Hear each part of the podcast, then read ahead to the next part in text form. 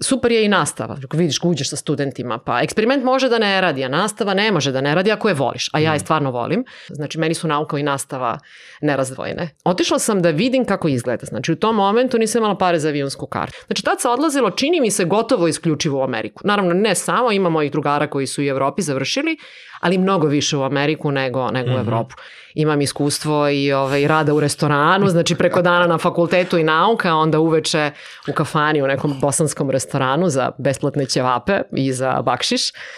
Ja sam imala situaciju da u tom Aimsu radim sa čovekom koji je u tom momentu bio među sto najcitiranijih hemičara. Znači je editor, odnosno imao je u tom momentu objavljene radove i u Science-u i u Nature-u I čim sam se vratila, bilo je odmah pitanje, uh, da li sam se, ovaj, da li sam donela dobru odluku. Rad u ovom okruženju nauči je da sastavljaš pomoću štapa i kanapa i a, te neke veštine koje mi steknemo ovde da ni iz čega napravimo nešto, u stvari jako dobro prođu. Jer u Srbiji ima puno aparata koji se ne koriste ili ne znamo za njih, ili nam nisu dostupni, ili nikad nisu startovani kao što je bio ovaj. Uh, to je, ovaj, shvatiš u stvari da je šest meseci u Njujorku malo da, da vidiš sve. Fulbright je sjajna priča sa, sa svake tačke gledišta. Znači, ja sam tamo radila sa ljudima od kojih sam učila kad sam počela da se bavim ovim čim se bavim. Znaš, kad ti se, ostvari ti se san ja nisam očekivala da će meni tamo neko da prostre crveni tepih zato što im je došao da, Fulbrightovac na fakultet, ali s neke strane ja sam očekivala da to nosi neki prestiž, jer Fulbright nije mala stvar. Mm -hmm. Oni svi znaju tamo, Barack Obama je imao Fulbrightovu stipendiju. Zbog takvih stvari koje vidiš i u centru sveta, onda malkice više ceniš ovo što, što imaš ovde. I ja stalno kažem studentima da se vredi boriti, iako ponekad se zapitam i sama jel se stvarno vredi, koliko energije treba da, da potrošim. Lepo je kad ode kad se vrati, ali nije često ali nažalost nije često. Ako nije teško motivisati da uđe u nauku, ali je teško motivisati da rade nauku ovde. Meni je jako drago kad vidim da oni za koje ja radim, a to jesu studenti, to prepoznaju. Još podcast 1. Pozdrav svima, dobrodošli u još podcast 1. Moje ime je Ivan Ćosić. Na početku želim da se zahvalim što nas gledate, što nas slušate. Ostavite nam komentar, ostavite nam neki like, ostavite nam neki, podelite nas sa prijateljima, šta god. Subscribeujte se na ovaj kanal. Dosta vas gleda ove epizode bez da, stu, bez da ste se subscribe-ovali ili ti besplatili, što bi rekao Deki. Uh, Na početku želim da se zahvalim sponsorima, to su Beans Kafa uz koju razgovaram sa svojim gostima. Beans želi da vam neki super kafe donesu u vaš dom ili kancelariju, ako želite da imate neki super kafe Pogledajte Binzovu ponudu, link je u opisu ove epizode. Naš drugi sponsor je Scandinavian Design Center, zbir skandinavskih brendova koje nude nameštaj i različite neke mogućnosti da opremite svoju kancelariju, da li radite u kući ili u nekom poslovnom prostoru, nije ni važno. U njihovim stolicama sedimo, pogledajte njihovu ponudu, takođe link u opisu ove epizode. U ovoj epizodi razgovaram sa svojom prijateljicom, e, profesorom doktorom Tanjom Verbić, e, koja je vanredni profesor na Hemijskom fakultetu u Beogradu. E, poznajemo se dugi niz godina, proputovala je jako mnogo, učestvovala je na mnogo, mnogo naučnih projekata, imamo i neke super stvari da najavimo, da ne bih previše dužio, uživajte u razgovoru, mom razgovoru sa Tanjom. Imamo Dobrodošla. Dobrodošla. Bolje te našla, drugi, to sam malo pre zaboravila, da. drugi put. Da, to je uvijek. Dobrodošli, bolje te našli. E, moje prvo pitanje je uvijek šta ima novo lepo, da počnemo sa nečim lepim. Pa to je uvek pitanje na koje se teško stvari spremiti. To i malo pre kad si rekao da. ovih dva minuta nisam se spremila za odgovor. Ovaj, pa um, i novo i lepo, svašta onako. I, I na poslu, u stvari i na poslu i kod kuće rastu deca. Zdravi su, živi su, mi smo dobri, veseli, rastemo i mi. Ove, ovaj, I lepo idu posla ta neka koja radimo, to je valjda ono što je, što je lepo i zadovoljni smo i svaki dan ima nešto novo i ovaj, uvek ima zadovoljnih studenta što je meni ono što je najlepše i zadovoljne dece kad dođem kući i kućeš više. A to mi je super, ti si u stvari stalno okružena naukom. Da. I onda, kako je živjeti okružena naučnicima, ljudima koji su, ovaj, kako je to onako privatno? Pa da, znači ja nauka od prvog susreta sa naukom. Znači, u stvari, ne, ne baš bukvalno od prvog susreta, nego kad prepoznaš u stvari šta je Mhm. nauka, to je, ajde da kažem, nije peti razred osnovne škole, nego možda čak i pre, jer sam ja imala tu sreću da imam, u stvari imam tu sreću da imam stariju sestru koja je Mhm. mnogo pre mene ušla u, u naučne vode i onda me nekako vukla za sobom ovaj, kao prikolicu. A, ono što je meni super u stvari nije samo nauka i ja mislim da imam tu sreću da se ne bavim samo naukom, jer po mom Mhm. mišljenju i ono što se ja trudim je da ovaj, nauka da nauka bude i a, nešto što delimo. Znači, meni su nauka i nastava nerazdvojene. Aha, ja, aha. znači, ono što je kod mene svakodnevno nije samo nauka, jesam okružena naučnicima, ali svi ti naučnici kojima sam ja okružena su istovremeno i nastavnici. To je ona razlika rada u institutima i rada na fakultetima, što naravno ima i svoje prednosti i mane, ali je moj izbor nekako uvek bio u stvari naučno obrazovanje. Znači mi se bavimo naukom i moja laboratorija radi nauku, koliko ja mislim neku solidnu, barem solidnu za, za ove naše uslove, ali je mi i delimo. I to je Mhm. ono što je meni lepota u stvari posla. Zato što nauka, nauka može da radi. Nauka može da ne radi. Znači jednog dana ide bolje, drugi dan ide lošije, mesec dana ćemo da imamo super rezultate, pa onda ćemo šest meseci da kuburimo i neće ništa da izađe. Ove, neće ništa pozitivno da izađe i odeš kući onako neraspoložen zato što ti eksperiment nije uspeo ili se prosulo ili si razbio sudić ili šta god. Ove, ali nastava bar meni ne može da ne radi. Znači onog Mhm. momenta kad uđeš u amfiteatar i bez obzira što 90% studenta igra neke igrice, gleda telefone sa strane, uvek ih u prvom redu ima, ma barem nekoliko koji, koji su tu da čuju i onako slušaju raširenih očiju i ja se trudim da i to što smo uradili u nauci uvek ubacim. Znači moja predavanja su recimo uvek takva da a, i ono što smo mi u nauci uradili ubacim i onda po mom mišljenju ta nauka ima više smisla. Kakva je tu situacija sa klincima? Ono, znam da su već duže vreme se priča o tome kako je sve manje manje uh, dece zainteresovano za, za nauku u smislu da, da kasnije predaje. A, tu su sad dve stvari u stvari koje si stavio isto pitanje, ali su razdvojene. Znači jedno, ono što je evidentno, a to je ovaj kraj tvog pitanja, je da je sve manje i manje dece zainteresovano da uđe u naučno obrazovanje, odnosno i to je ovaj problem Mhm. koji je eskalirao u novostima, odnosno u vestima svugde letos sa prikazivanjem, odnosno prikazivanjem brojeva, a, malih brojeva Mhm. na fakultetima koji školuju nastavnike. Hemijski fakultet je jedan od takvih.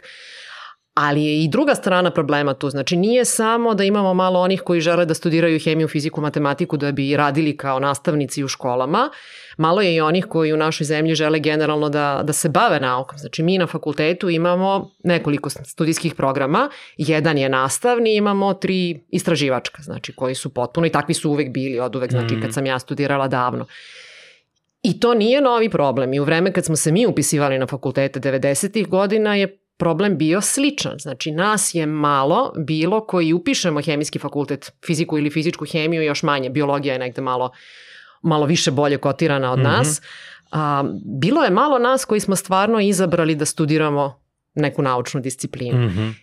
Dosta studenta kod nas dođe zato što ne, upiš, ne uspe da upiše neki drugi fakultet, poput recimo na hemijski fakultet dolaze studenti koji ne upišu medicinski fakultet ili a, stomatologiju ili farmaciju, zato što se na tom, tim fakultetima hemija polaže isto kao isto na prijemno. Aha, I onda aha. sa istim ispitom, prijemnim ispitom na jednom univerzitetu ti možeš da konkuriš Tako da je to problem koji traje decenijama, znači nije novi. Ono što je, i mi vrlo redko u stvari smo uspevali da popunimo mesta, 185 Da, da, da. mesta, ne znam koliko ima na fakultetu. U novije vreme se jeste malkice povećao taj problem, ali ovaj, ja sam imala prilike da pratim i neke podatke sa univerziteta.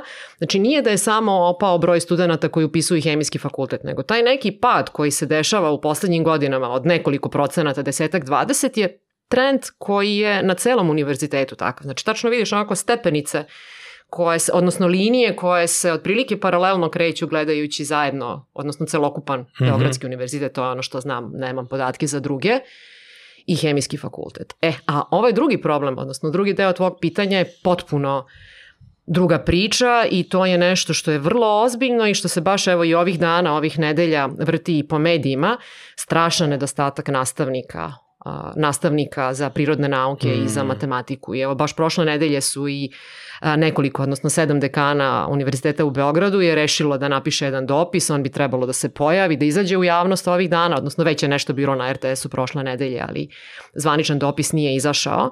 To je generalno problem koji je više slojan. A, problemi sa, sa radom sa decom u školi, male plate, Mm. zašto bi neko studirao a, za nastavnika hemije gde će da ode u školu za platu koja je ispod prosečne plate i da bude izložen onako pa priličnom nekom maltretmanu, to šta se dešava u školima, u školama videli smo svi.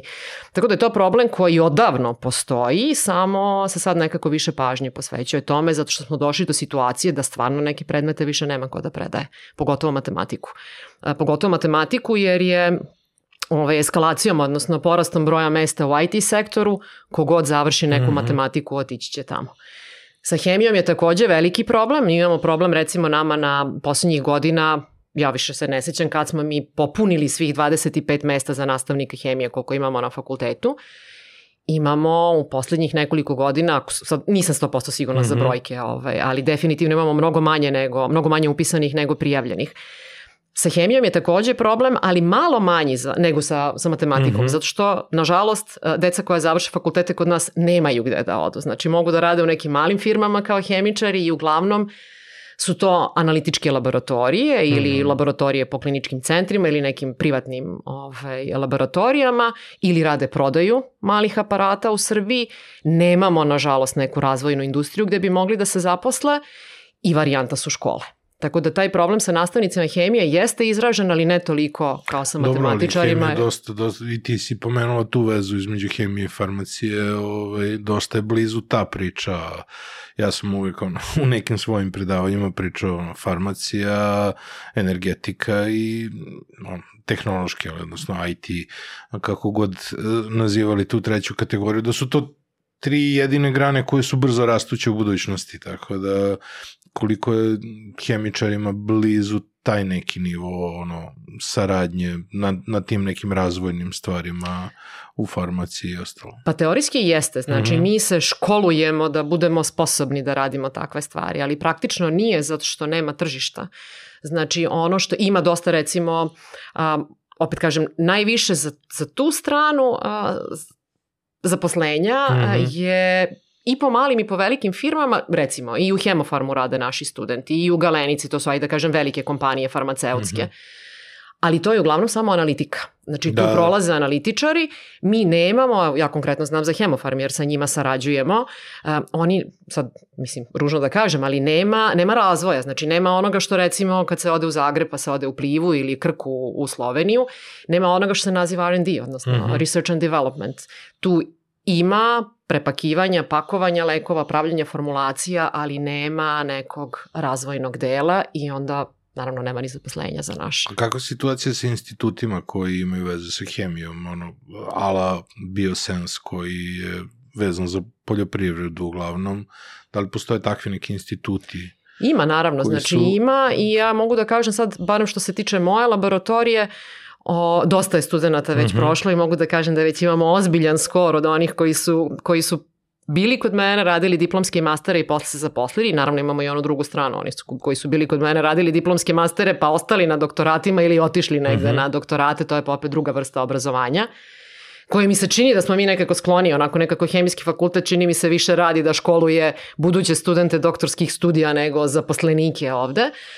Ove, ima i toga. E sad ja opet mogu da kažem sa ove tačke gledišta koja je tačka gledišta hemičara analitičara. Ne volim da se delimo ne samo u hemiji nego i u nauci, to prosto nema smisla takva podela, ali je negde svesno i pravimo zato što su hemičari i analitičari još uvek i traženi. Znači bilo kakva, makar i nerazvojna industrija koja postoji ovde ili laboratorija, prosto mora da ima kvalitetna merenja.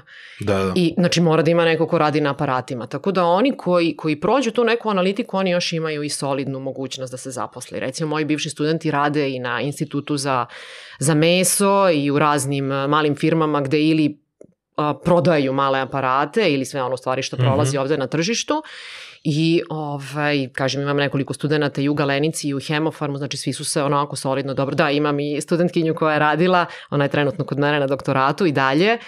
A, radila je u institutu, odnosno u ovaj laboratoriji Instituta za sudsku medicinu i to je bilo potpuno mm -hmm. onako neverovatno iskustvo. Da smo imali nekoliko godina priliku da studente na raznim predmetima, gde je mali broj studenta, vodimo u te laboratorije da vide kako sve to izgleda i to je ono stvarno kao kad pogledaš NCIS ili one američke mm -hmm. serije, znači potpuno tako izgleda.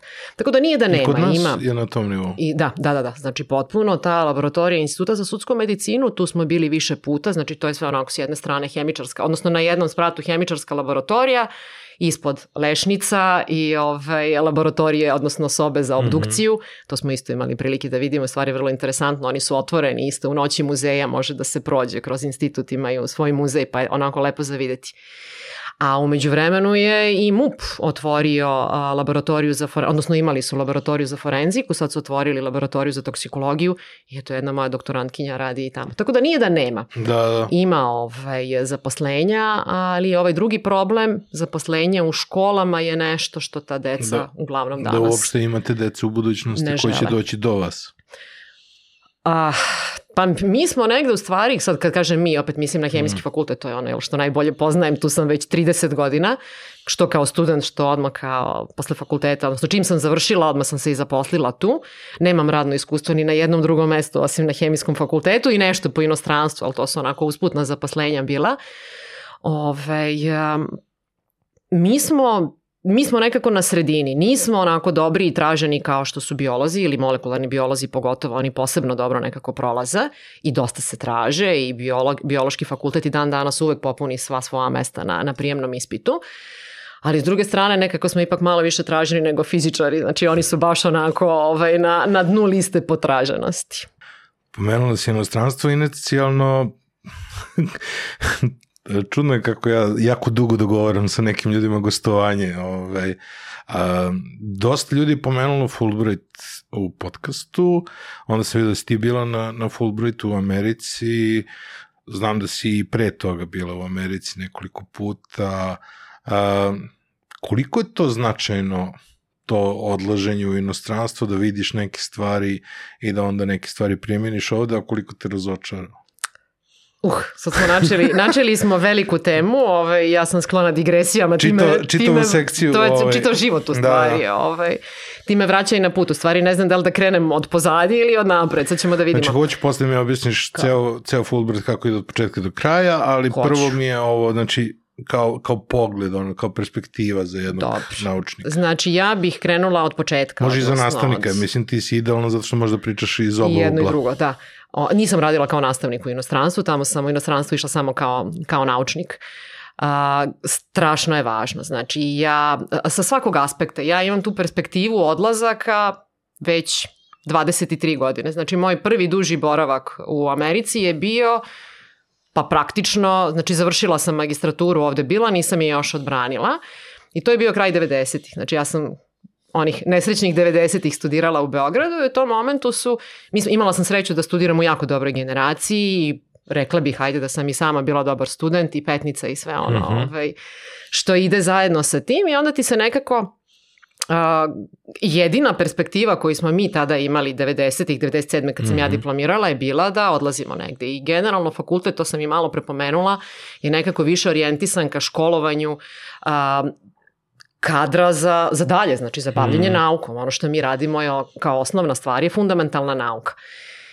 I onda u jednom momentu postaviš sebi pitanje, aha, svi moji drugari odoše, sve moje kolege odoše, nije da se meni baš preterano ide, ja bih volela da ostanem u Srbiji, odnosno u Jugoslaviji u tom momentu, ali ove, Ali onda se pitaš, dobro, a što ja ne idem? Jesam li ja dovoljno dobra? Odnosno, da li ja ne idem zato što sam možda malo lošija od njih ili ovaj, ne idem zato što želim da ostanem ovde? I onda u tom, u tom nekom preispitivanju i za, za studente danas i za sve sa kojima radim, ja mislim da prosto jedini način da nađeš odgovor na to pitanje je da odeš da odeš, pa sad na kratko ili na dugo, zavisi mm. kako ti mm. se okolnosti dese. Meni su okolnosti te 2000-te kad sam, kad sam prvi put otišla bile takve, znači ja u tom momentu nisam imala ni pravog mentora, znači bila sam onako nekako sama na svom, kao i obično ovaj, u životu.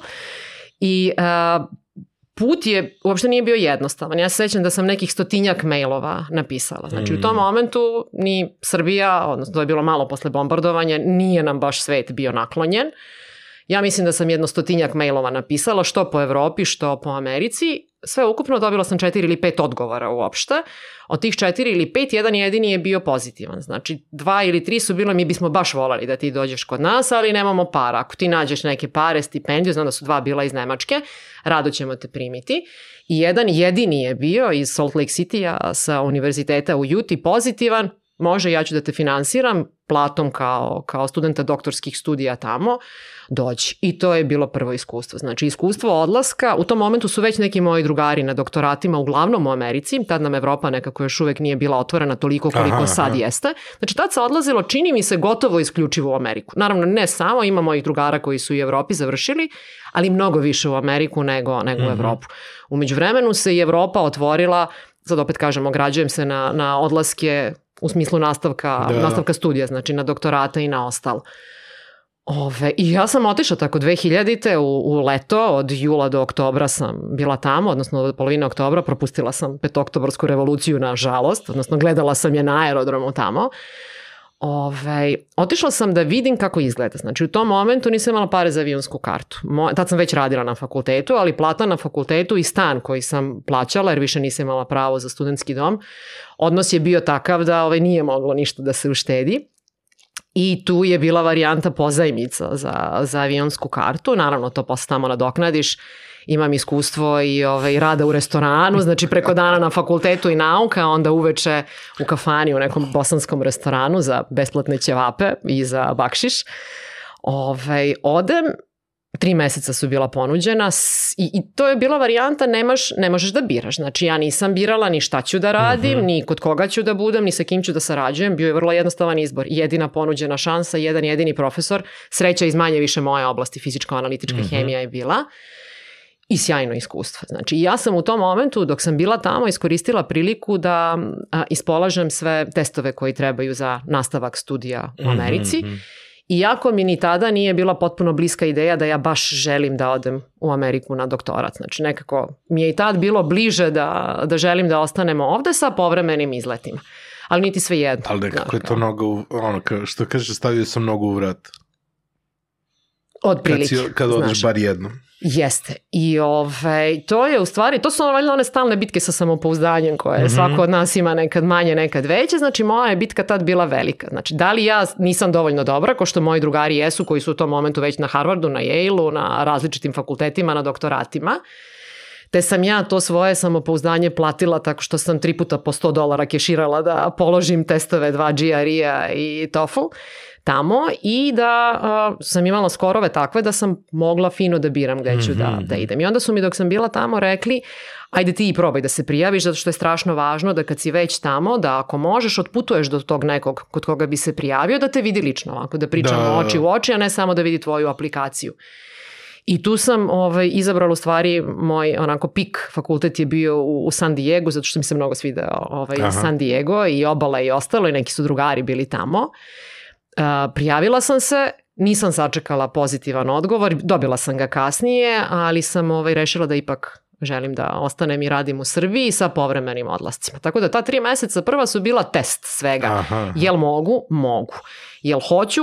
Neću još uvek. Ja Aha. u tom momentu već imam 24 godine i ovaj, neku ideju o osnivanju porodice sa, i u stvari želju da moja deca imaju tete i teče i da rastu Aha. ovde u okruženju. E onda posle toga relativno brzo je došla druga prilika. Znači tri meseca praktično su bila dovoljna samo da vidiš kako to izgleda sa svim tim radom u restoranu, pozemljivanjem para, putovanjem. Znači kad odeš tamo i sa platom doktoranta što je 1000 i po, 1300 i nešto dolara bila bruto, neto, Ove, ali kad si u malo mesto, a Salt Lake City nije baš veliko mesto, je tipa 700.000 stanovnika, nije ni mnogo malo, imaš prilike da putuješ. Tako da sam Mhm. ja u ta tri meseca prilično toga videla. Znači putovala, posetila i Kaliforniju i Nevadu i Idaho i nekoliko država u okruženju. I to je kao super. Tri meseca sam bila i videla, ali za tri meseca ne možeš ozbiljnu nauku da uradiš. To prosto nije dovoljno, dovoljno Da, da, da. vremena za istraživanje. Ali okej, tad je bio angažman takav. Ovaj, profesor mi se zahvalio, ja sam se njemu zahvalila i onda sam se vratila ovde u momentu kad, je, kad su granice Srbije bile zatvorene, znači bilo je pitanje da li će moći da uđem posle petooktobarske Da, da. revolucije. I čim sam se vratila, bilo je odmah pitanje, uh, da li sam se, ovaj, da li sam donela dobru odluku. Ta Srbija 2000. u oktobru nije baš, u stvari davala je nadu, ali i dalje nije izgledalo da se na fakultetima može raditi sve ono što, što smo... Dobro, bilo kakva promena će najsporije doći do obrazovanja i kulture, mislim. Tako je.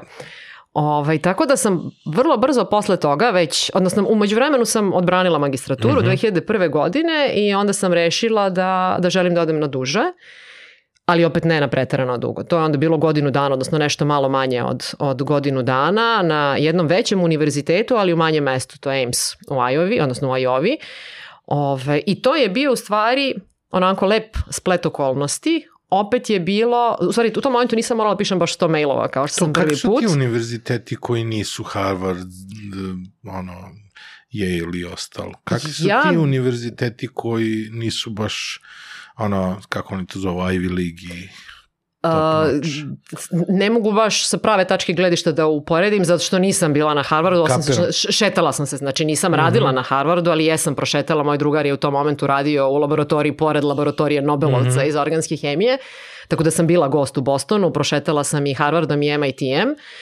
Ovaj, a, ja nisam sigurna da je, da je nešto lošije. U stvari, mislim da prilično zavisi od toga kod koga si došao i ko, moje iskustvo i svih ovih godina i to ono što savjetujem i, i svojim mlađim saradnicima i studentima je da je važno izabrati osobu sa, sa kojom ćeš da radiš i dobro izabrati Mhm. osobu sa kojom ćeš da radiš. I ja sam ovo drugo iskustvo godinu dana, odnosno deset meseci u Amesu, a, videla kao, tu mi je bio problem, ne problem u stvari, jedina razlika koju sam videla recimo u odnosu na Harvard ili MIT ili ne znam sad na fakultete u Njujorku gde sam sad bila, je to što nisi u velikom gradu. Znači ono što je meni u Amesu falilo je to što to i nije grad, to je selo praktično univerzitetsko gde od 50.000 ljudi 30.000 je studenta. Znači fali taj društveni život. Ali s druge strane ako odeš da si po ceo dan na fakultetu, pa dobro, znaš, imaš neku svrhu. To malo vraća petnički ambijent. Apsolutno, apsolutno, do, ni, o, mislim, apsolutno u Da si smislu rada, od- ali ne i u smislu druženja i Da, da. ovaj, socijalnog aspekta, to je posebna priča. A, ja sam imala situaciju da u tom Amesu radim sa čovekom koji je u tom momentu bio među sto najcitiranijih hemičara. Znači je Aha. editor, odnosno imao je u tom momentu objavljene radove i u Science-u i u Nature-u, što je neka vrhunska nauka koju mi ovde nismo videli i sve to što sam ja radila tamo pokušavala sam dve, tri godine da nastavim ovde, ali onda sam shvatila da mi prosto nemamo tih mogućnosti i da sva moja energija, ma koliko velika bila, prosto ne može da izrodi da mi nastavimo to što sam tamo radila. Mhm. Tako da ovaj, on je bio uz to najcitiranijih hemičara, njemu je samo Iowa State u tom momentu plaćao 2 miliona dolara godišnje, što su nama nezamislive ovaj, cifre, da ostane. Zato što ono što, što ima u Americi je, u stvari ima sad i ovde, je kategorizacija, naravno, fakulteta. I Iowa State, katedra za analitičku hemiju na kojoj sam tada bila, je u top 5, bila top 5 američkih, prema njemu i još jednom čoveku, ovaj, profesoru, tamo isto na katedri za analiticu, analitiku koji su bili u prvih 100. Tako da ja nisam sa te strane videla razliku, nisam imala ništa manje nego moj drugar u smislu financija i mogućnosti, nego moj drugar Gojko koji je u tom momentu bio na Harvardu. Zahvaljujući velikim financijama. Znači tom Edu, Edu Youngu kod koga sam radila, je UCLA u tom momentu nudio milione dolara da pređu, on je hteo, njemu se sviđao život u, u Amesu. A Tako da- citiranost mnogo znači ono, E, za, za to da, rangiranje. Da, sada. da, da, apsolutno. Znači njih dvojica su Ed Young i taj Daniel Armstrong su bili u sto najcitiranijih i Iowa State je vukao imena njih. Tako da je ono kao selo od 50.000 ljudi nema veze, u stvari nauka koja je mogla da se radi tamo je sjajna i to je ono fenomenalno iskustvo. I oni su, to je bilo još jedno iskustvo, kakvo nisam imala Mm. ovaj, uh, u drugim boravcima u Americi. A, ta laboratorija je, ima interesantnu istoriju, znači oni su deo a, ovaj, odseka, odnosno DOE, Department of Energy, pri vladi američkoj i to je onaj čuveni Ames Lab gde se radilo svojevremeno izolovanje uranijuma za Manhattan projekat, odnosno za, za atomske bombe. Tako da su oni nekako imali poseban status. Nisu Harvard i Ivy League, ali su prilično dobri, bili su na, na priličnom glasu. I ono što je meni bilo sjajno je taj, u stvari ja sam prvi put Uh, ovde nekako nisam imala, bar dok sam bila mlađa, nisam imala ovaj, neku veliku podršku. Moja mentorka je vrlo rano penzionisala, tako da sam ja kao večiti bunđija i glasna ostala nekako sama. Nisu me baš voleli zato što sam uvek imala svoj glas i davala sebi pravo da kažem i ono što veliki ne misle da je u redu. Ovaj, tamo sam imala potpunu podršku i potpuno otvorena vrata i financije da da radim sve što mi padne na pamet, naravno sve što mi padne na pamet što ima smisla. Taj mm -hmm. profesor koliko god da je često putovao, on je i tekako dobro znao kad smo mi tu i kada, šta smo uradili naravno. I ovaj, meni recimo prvih meseci i po dana skoro ništa nije išlo, ali smo se sredom popodne redovno viđali na tim grupnim sastancima I posle dva meseca sretnem jednog našeg profesora o kome ćemo, nadam se, isto posle pričati, Nenada Kostića, koji je radio u tom momentu tamo mm -hmm. na mhm. fakultetu i čija mi je preporuka u stvari dosta iznačila da odem baš na, na Iowa State kod, kod, kod njegovog kolege. Ovaj, sretnem Nenada i Nenad mi kaže, jao Ed, te hvali, onoliko te nahvalio. Dobro rekao, Nenade, ne morate sad da me, da me lažete, mm. nema zašto da me hvali, a meni ništa ne ide u stvari shvatiš da se stvari mere e, ne samo po tome šta si dobio, nego po zalaganju, po trudu, trudu po pokušajima, a to je nekako nešto, čini mi se što mi, mislim, ok, ja imam te neke stvari urođene onako, jel, vična sam eksperimentima, ali ono što te rad u ovom okruženju nauči je da sastavljaš pomoću štapa i kanapa i a, te neke veštine koje mi steknemo ovde da ni iz čega napravimo nešto, u stvari jako dobro prođu tamo isto. A čudno da se kod nas trud ne ceni, znaš. Kod nas je uvek to nešto onako futbolski, kao ili si prvak ili si loš. I to znaš, je, da. Krenemo ovaj... Đoković, ono, znaš, kao ne valjaš. ako pobeđuje valja, ako ne pobeđuje to to. Pa i ako, naša. vrlo često i ako pobeđuješ da, ne valjaš. Da, znači da, nije da, samo da valjaš ako pobeđuješ. Ja sam isto u, u neku ruku imala ove, to iskustvo. A, taj boravak u Americi godinu dana, znači u momentu gde je taj čovek među sto najcitiranijih, mm -hmm. kažem, editori, ono, objavljivao radove u silnim nekim časopisima, znači ogromno iskustvo. Stoji da ja za tih deset meseci nemam objavljen rad sa njim, zato što prosto vreme koje treba da uložiš da bi, ne znam, objavio rada, mi se nekako mm -hmm. svi brojimo, nažalost, pretvaramo u ove naučne radove, je tamo mnogo veće, ali iskustvo neverovatno. Kada sam odlazila odavde, administrativno na fakultetu, sam dobila šest meseci odsustva. U stvari tražila sam prvo šest mm -hmm. meseci odsustva, nisam bila sigurna koliko ću da ostanem i u tom momentu nam se činilo da je lakše da uzmem šest meseci. Posle šest meseci shvatim da ja želim da ostanem tamo još i da bez godinu dana nema mnogo smisla i napišem molbu fakultetu. Znači, naravno da nisam nezamenljiva, ima ko da drži vežbe u tom momentu, sve može da se pokrije, a i nekako računam to iskustvo koje steknem tamo, svima će da znači, naravno meni prvenstveno ovde, ali ti moji studenti mogu svašta da nauče od mene kad mm. se vratim. U tom momentu, opet kažem, nije bilo toliko ljudi koji su odlazili da bi se, da bi se vratili, većina je odlazila da, da ostane van, van Srbije. I dobijam potpuno šokantno pismo od ovaj, šefa katedre tadašnjeg da je da ja pravim problem fakultetu, zašto posle šest meseci da se ne vratim, zašto gubim vreme radeći na koje kakvim projektima umesto da se vratim ovde i da nastavim svoju jel, zlatnu karijeru na fakultetu koji u tom momentu nema para ni zašto. Mislim čak i da ima, mhm. naravno, ali znaš mhm. kakva je bila 2000, u stvari 2002. je to bilo. Nije nam bilo sjajno kao što nije sjajno ni sada. Ovaj, to neko nerazumevanje, nažalost, bilo prisutno i pre, a prisutno je i sada. Moraš da se boriš. da postoji ona stavka da, da, da mladi koji ovde imaju neku asistentsku poziciju često se da li zbog pritiska fakulteta ne opredeljuju za odlazak u inostranstvo, da bi sačuvali tu neku asistentsku poziciju, da bi kasnije to rezultiralo nekoj, nekom profesorskom pozicijom i slično. To je isto ono čudna stvar da nekako kao da, kao da, da se očekuje ili se očekivalo od, e, od ljudi koji su pri fakultetima da imaju neku vrstu lojalnostima, da zapravo je razmena ono što ti donese nove ideje i nove perspektive. Uh, I da i ne. Ovaj, vrlo se slažem sa, sa tim što si rekao i to smo prošli, odnosno prolazimo, prolazimo još uvek. Ja mogu da kažem da moj fakultet nekako je manje negativan mm -hmm. na tu mhm. stranu. Znači, kod nas to malo manje izraženo. Odnosno, tu postoji, Beogradski univerzitet je veliki i postoji dosta razlika. Znači, različiti smo, delimo se, da li smo prirodnjaci ili smo društvenjaci, jesmo li instituti ili smo fakulteti. Znači, svakakve neke podele postoje koje nam ne trebaju, ali su tu.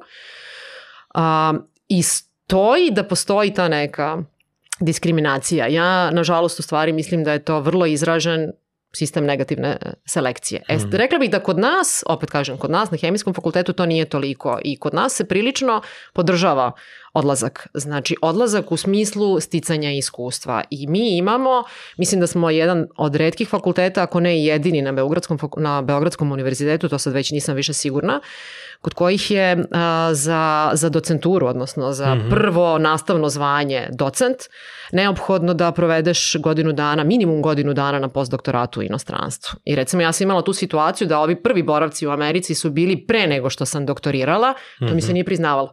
Znači Mhm. Aha, bila si aha. godinu dana, ali super, sad kad si doktorirala moraš da ideš a, ponovo. aha. Znači mi negde forsiramo i vrlo podržavamo ove, inostrane boravke, ali stoji da, ali to su neke stvari koje su regulisane i zakonom, recimo mi i pravilima. A, imamo pravo na godinu dana plaćenog, pa druga godina može da bude neplaćeno, posle dve godine ako se ne vratiš gubiš Aha. radno mesto. Ali mi se čini da su dve godine sasvim dovoljno da se jedno lepo iskustvo stekne. To je kad si zaposlen. E sad, što se tiče mladih, ako su već dobili asistentsko mesto, ista pravila važe za njih. I negde, znaš, to mi je negde i okej, kao ti si otišao na dve godine, jel znamo da li računamo na tebe ili ne. Znači, posle tih dve godine mi moramo da znamo na fakultetu hoćemo li popunjavati to mesto nekim novim ili, Mhm, mhm, ili ne. Tako da mislim da smo prilično otvoreni i prilično podržavamo odlaske, ali stoji da recimo ako je neko otišao na duže, a imali smo i takve situacije, dosta naših studenta je doktoriralo u Americi ili u Evropi i poželelo da se vrati, e za to smo nažalost nekako zatvoreni. U stvari ja ne mogu da imamo, ne mogu da kažem da nema na fakultetu, ali su vrlo redki slučajevi da smo imali nekoga ko je bio naš, pa je onda dugo bio u inostranstvu pa se vratio. Imam, mi imamo, a mislim da ima fakulteta koji to nemaju To je uopšte. zapravo ultra važno. Apsolutno. Mislim, to baš, baš bi mnogo značilo u celom sistemu. Apsolutno, apsolutno se slažem. Šta je bilo u Mađarskoj? Da, Mađarska je još jedno ovaj, inostrano iskustvo i to je u stvari, ja volim da kažem da ja na svaki 10 godina idem da se resetujem. Ajde tu 2000, to ako stavimo, to je bilo prvo iskustvo na tri meseca. 2002. sam provela u Americi, 2012. u Mađarskoj, a 2021. drugu u Njujorku, odnosno Aha, u aha. Americi opet. Imam tu sreću da me i porodica podržava, podržava moj taj reset desetogodišnji. Um, Mađarska je bila sjajno iskustvo, a bilo je silom prilika. Znači, to je bio taj moment, uh, doktorirala sam, ne mogu više, znači, reizabrana za asistenta, ne mogu da više, pošto stvari ono što je interesantna priča koju verujem da ljudi uglavnom ne znaju, a to je da mi svi koji smo zaposleni na fakultetima, mi nemamo stalna zaposlenja. Znači, mi smo naoročeno. Jedino stalno zaposlenje na fakultetu je zvanje redovnog profesora. Ovo sve drugo je na izbor i na reizbor. Znači, oročen si ako u tom nekom vremenu ne ispuniš sve što ti se traži, a na hemijskom fakultetu se traži dosta, bitno više nego što se zakonom traži, ti ostaneš bez, ostaneš bez posla. I jedan od zahteva da bi postao docent je ovaj postdoktorat koji sam malo pre pomenula. I ja sam pre nego što sam doktorirala, znači imala više od godinu dana već boravka u Americi, ali se to nije računalo. Znači morala sam da idem i na postdoktorat. U tom momentu dvoje male dece ovaj, i situacija gde ja moram da odem bar na šest meseci. Mi smo, ja sam studirala po starom i mi koji smo imali magistraturu, znači ono stepen Mhm. magistra nauka, smo još uvek mogli da idemo samo na šest meseci. Današnji studenti, odnosno već u posljednjih nekoliko godina kad smo prešli na Bolonju i na nove doktorske studije kad nemamo magistraturu nego master, njima se traži minimum godinu dana. Znači ja 2011. 12. 13. treba da ispunim još šest meseci u inostranstvu i tu se u stvari desi e, sjajna stvar, opet nekako si imala sreću, ali valjda se u stvari i trudiš pa ti se nekako ta sreća posle i, i ostvari da na konfer velikoj, velikoj konferenciji koja je u Beogradu održana 2011. u septembru, uh, Euroanalysis, to je jedna od najvećih svetskih konferencija u analitičkoj hemiji. Zove se Euroanalysis, ali je svetska. Mi smo u tom momentu imali, ja mislim, 700 i nešto ljudi u Beogradu iz svih krajeva sveta. U Sava centru je bio kongres, kongres u stvari. I ja sam bila u organizacionom timu. Znači, žena koja je profesorka sa farmaceutskog fakulteta, koja je bila glavni organizator Slavica, me zvala da budem u timu. I tad sam već morala da razmišljam šta ću i kako. Znači, ja moram da ispunim tu formu da odem negde šta ću, gde ću, mora da bude inostranstvo, a opet nije zgodno ostaviti muža i dvoje male dece. I desi se da se upoznam sa sjajnim profesorom sa, sa univerziteta u Budimpešti, takođe analitičar sa tehnološkog fakulteta, mm -hmm. u stvari to je bio izlet uh, na fakultet koji nije prirodnjački, odnosno prirodno-matematički. I tako ovaj, sedam meseci provedemo u Budimpešti 2012. Sjajno iskustvo sjajno iskustvo. Zgodno je bilo, Budimpešta je blizu, je tako? I pa to, to su bile... Sati. Tako je, tako je. Znači u tom momentu ja nisam išla kolima, kola su bila ovde sa mužem i sa decom, ali je radila pruga. Mm. Nije bio brzi voz, putovalo se desetak, 12 sati ali sam mogla svake tri nedelje da dolazim i naravno, u stvari stariji sin je tad već išao u školu, kad se raspustio, prvog dana kad su se raspustili su seli u kola i bili su preko leta sa mnom. Tako da mislim da je važno iskustvo i za njih. Mali se ne seća, mali je tad imao samo tri godine, mm -hmm. ali ovaj, s jedne strane odricanje, s druge strane mnogo toga dobiješ i mi smo sa tom laboratorijom u Budimpešti i dan danas u kontaktu, korona nas je malo, mm -hmm. malo ovaj, uh, osakatila sve zajedno.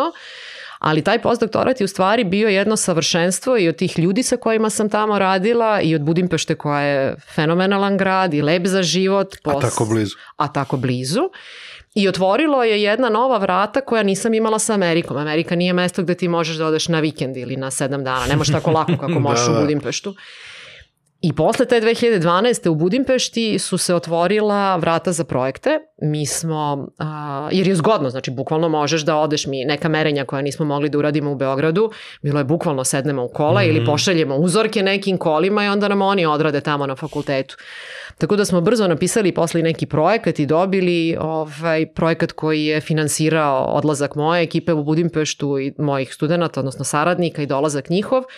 I to je sve trajalo do korone. Znači to bukvalno od 2012. do, pa do 2019. sam ja svake godine barem dve, tri, pa boga mi uglavnom i četiri nedelje u dva, u dva navrata provodila u Budimpešti. I to je isto super. Super je zato što ti daje dodatne mogućnosti, oni tamo ipak malo bolje funkcionišu u, u naučnom svetu nego mi, u smislu, ako ništa drugo nemaju tendera. znači da. njima kad treba hemikali, oni je danas naruča, sutra je dobiju ili za tri dana. A meni ovde kad treba, ja moram da prođem kroz mm. tender i ako mi treba hemikalija juče, ja ću je dobiti za šest meseci. Znači to, to tamo nije tako. Tako da nam je ta veza sa Budimpeštom i blizinom i sa njihovim mogućnostima strašno značila pa sve vreme od 2012. do 2019. Bukvalno smo i neke aparate kupovali tamo i, uh, i hemikalije, mm. pa donosili vozovima, kolima, kako pa smo se snašli. Pa nekih saradnji koje sam ja vidio da bukvalno tako funkcioniš, ono, gomila ljudi radi sa Rumunijom, ono, naročito pošto sam ja iz Vršca, pa onda ta neka linija sa Temišvarom u nekoj saradnji, onda vidio sam da sad jako mnogo pozorišta sarađuju, ono, Rumunija, Srbija, tu u stvari je najlepši deo saradnje, ono, i to svega ne moraš, da, ok, postoji razlozi zašto, kod nas postoje tenderi, kod njih ne postoje, ali to su ono, kao, nađeš način za saradnju, Uh, I mislim da ljudima dugoročno daje neku širinu, znaš, i onda ovaj, to je to, taj da je prelep. Apsolutno se slažem, znači u svakom, u svakom segmentu mm. onoga što, što si rekao, znači daje ti mogućnosti i u nauci, to je ono čime se bavim, uh, i u lepoti upoznavanja novih ljudi, otvaranja novih vidika, šetnji po gradu koji je sam po sebi prelep, uh, Onda ako imaš porodicu kao ja u tom momentu i sada, znači pružiš mogućnosti toj porodici, jeste da su oni ostali malo bez mame, znači malo mm. ih je mm. mama ostavila, morala je da ode, ali su dobili mogućnost da provedu dva i po tri meseca sa mnom u Budimpešti, da, da vide neke stvari koje ipak ne mogu da vide ovde, da im se njima otvore neki vidici koji se nisu ovde otvarali. Tako da svaki taj boravak u inostranstvu, bilo da je dugotrajan, bilo da je kratkotrajan, a i mm. takvih sam imala dosta još po drugim zemljama, ovaj, strašno puno znači. Mislim da znači svima. Znači i onome ko odlazi, i onome ko ostaje, a i onome kod koga pa ja odlaziš. Znam, kad odemo na vikend negde, ono, ranije dešavalo se da se vratim sa deset novih ideja, ono.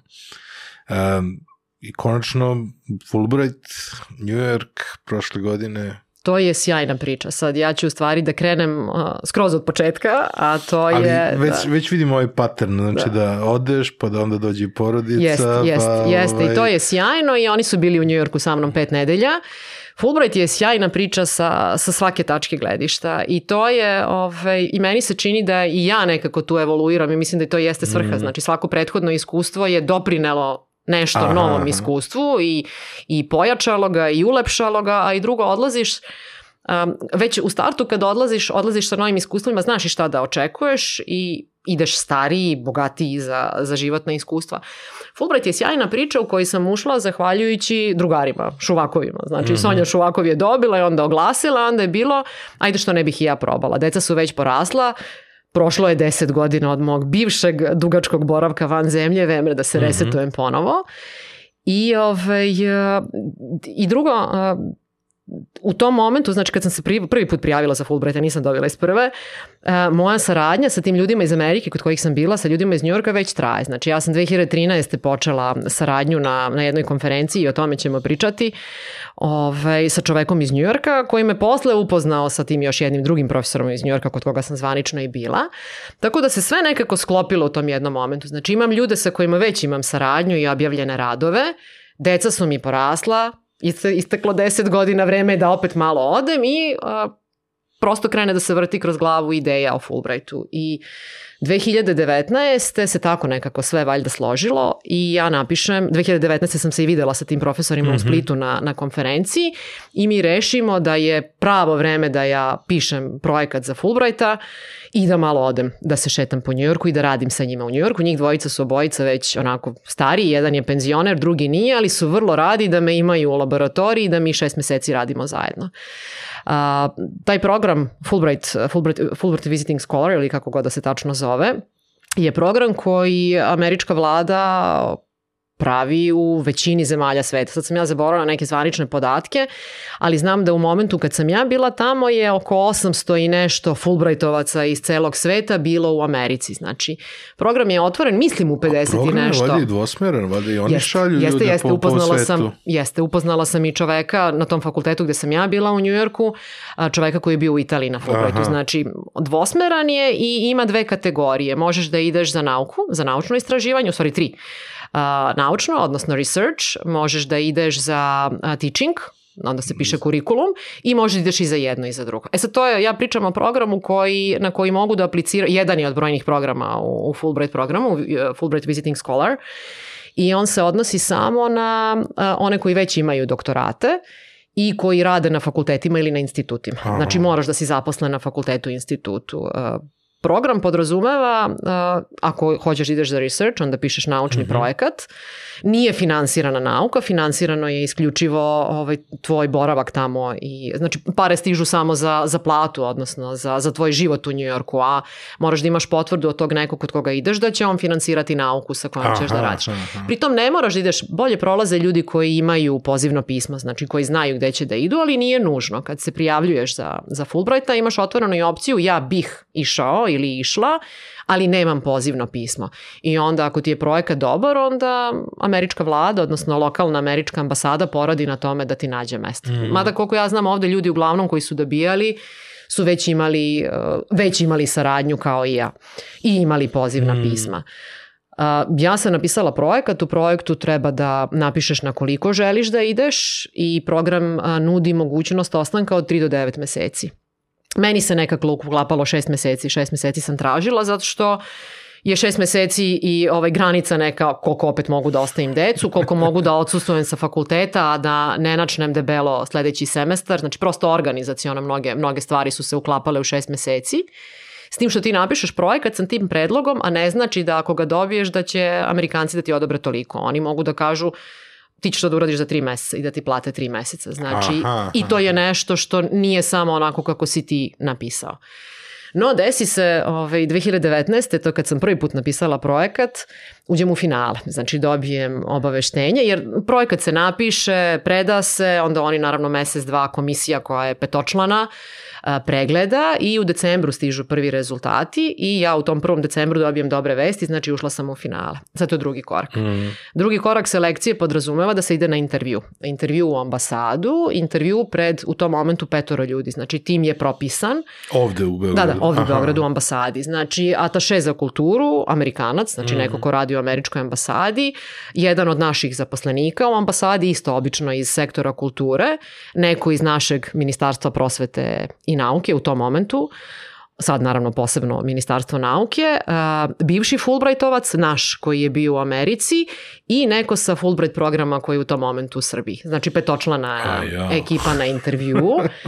I to je onako, ovaj, jedan obsežan intervju, gde te, pritom te ispituje neko ko u tom momentu mene je ispitivao čovek koji je, ne mogu setim ko je bio od Fulbrightovaca, mislim da je neki društvenjak. Znači oni ne razumeju baš sve ono što si ti tamo napisao aha, i ti treba se potrudiš da im objasniš zašto je jako važno da baš ti ideš tamo i da sprovedeš svoj projekat sa lekovima. Ja sam recimo to pisala. Ove, I onako, posle tog prvog intervjua ja sam bila solidno zadovoljna, ali prosto nemaš nikakav referentni sistem sa kojim možeš da uporediš Kapio. da li je to dobro ili nije. I kad je stigla vest da nažalost nisam izabrala, moj se sistem raspao, znači potpuno sam onako ovaj, bila u bedaku. Ali i... nije isteklo 10 godina. Nije, da, da, da. I to je možda... To će, da, tek ćemo da dođemo do toga koliko je stvari ispalo super što da, nisam da. dobila tada. Ove, ali sam bila onako prilično tužna i pogođena zato što mi se činilo da je to poslednja šansa. Oba profesora... To je kraj 2019. To je, da, decembar 2019. A, da, da, da. Ovaj, Znam da je negde oko jeseni počinje taj taj ceo njihov proces. A, u julu se obično, da, u julu se da, raspisuje, obično je neki jul september, i do oktobra. Da, u oktobru je deadline, obično, to se malo pomeri nekad nedelju, dve tamo vamo, ali je uglavnom vrlo ovaj, striktno. Dobro pamtim dat, datume. Datum da. pred COVID, čoveče. e, e, to, je, to će tek da dođe da. u priču, u stvari kao pozitivna strana mog nedobijanja stipendije. Mm Ove, ali onako, kažem, bila sam prilično razočarana zato što su obojica profesora prilično stari. Oni su obojica mm. 70 plus i tu je pitanje, ja bih rekla meseci, a ne godina kada je koliko oni još imaju vremena da rade na tim da fakultetima. Nekim, da... Jedan je već penzionisan. Ove, međutim, onda se, jel, to se dešavalo, znam da sam 20. decembra sam dobila obaveštenje, pamtim zato što mi je rođendan tih dana, pa sam bila onako vrlo razočarana mm. poklonom za rođendan. Onda se desi COVID dođe COVID, znači u januaru već, već su tad bukvalno... Bile, već su tad bile naznake. Tako je, tako je. Samo je onaj naš prvi slučaj bio 6. marta ili kad već, januar je već bila ozbiljna priča o COVID-u, decembar je već bio Milano, odnosno taj moment. I krene čitava ona panika i ove, ja malo zaboravim na priču, na tugu zašto mm. nisam dobila Fulbright i desilo se u stvari da oni koji su te godine dobili e, nisu mogli da odu.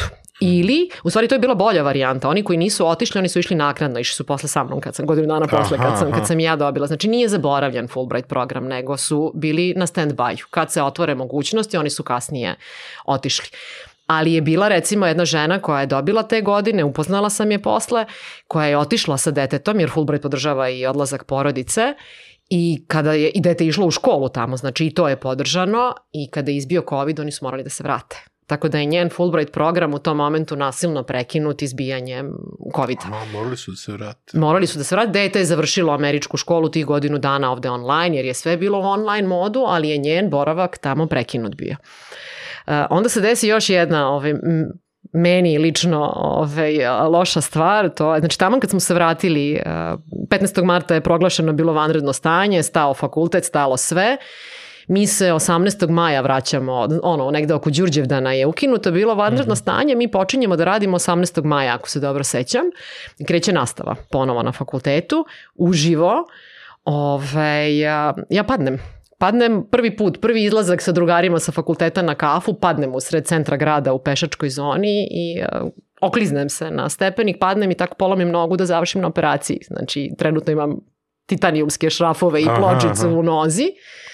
Proveden dva, dve nedelje u bolnici, operacija, četiri meseca na bolovanju. I onda shvatim kako je stvari super što nisam dobila Fulbrighte te godine, ali to mi da snagu da konkurišem ponovo. Uh, I uh, mesec dana koji sam godinu pre toga potrošila na pisanje projekta, u stvari uzmem da se raspitam da li negde postoji ograničenje, uh, da li moraš da pišeš novi projekat ako konkurišeš na Fulbright ili možeš da se prijaviš sa starim. Jer ako može da se prijavi sa starim koji je bio u finalu, a nije prošao, nije realizovan, meni su to dva dana posla.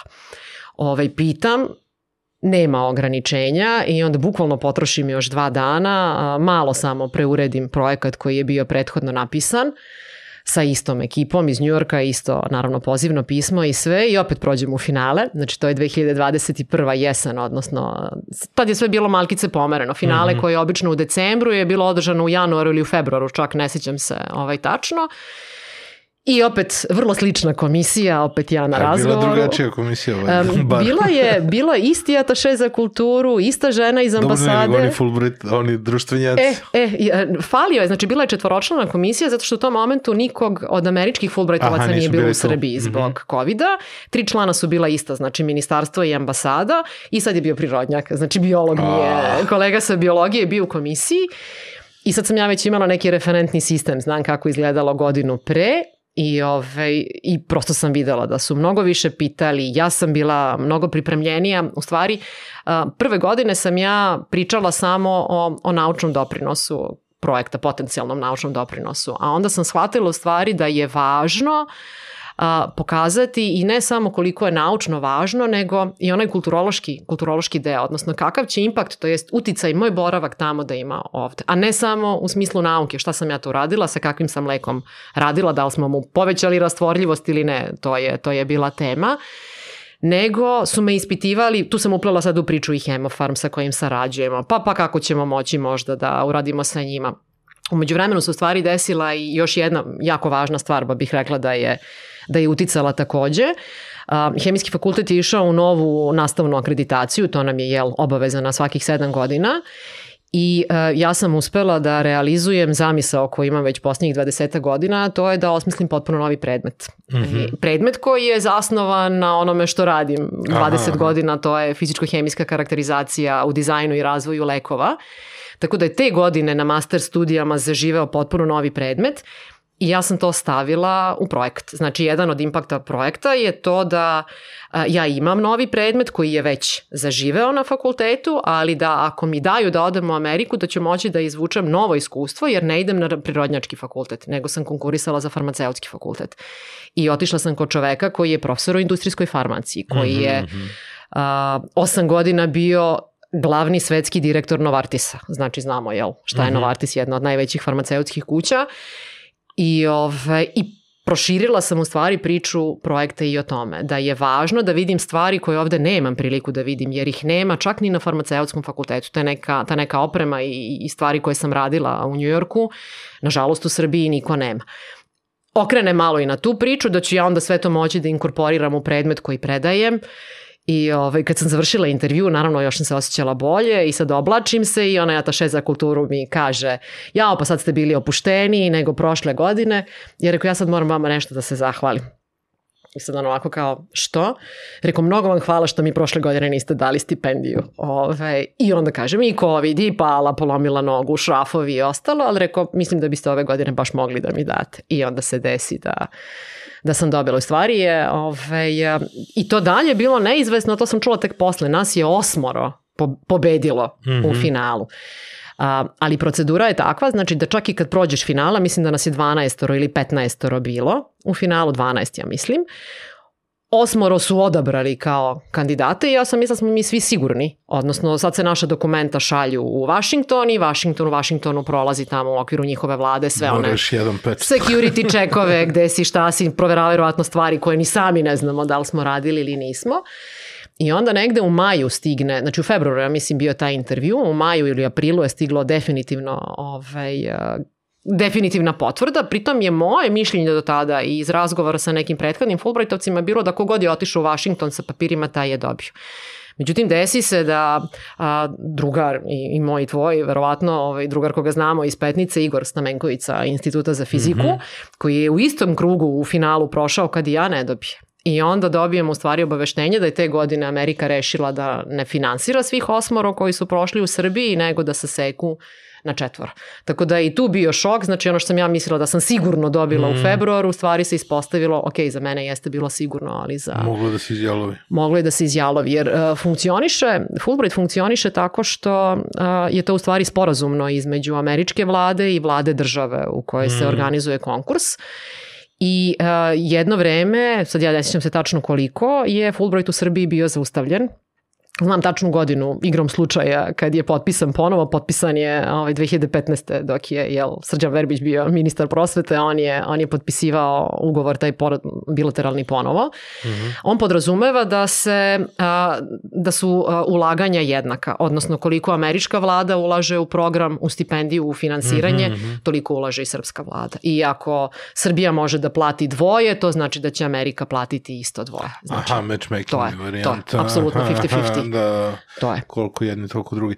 A, šta sam teo da ti malo izmislim ovo, nekako mi počinje se pojavljuje onako matrica koja mi je jako interesantna jer dolaziš iz naučne priče sa eksperimentima, u eksperimentima ceo život.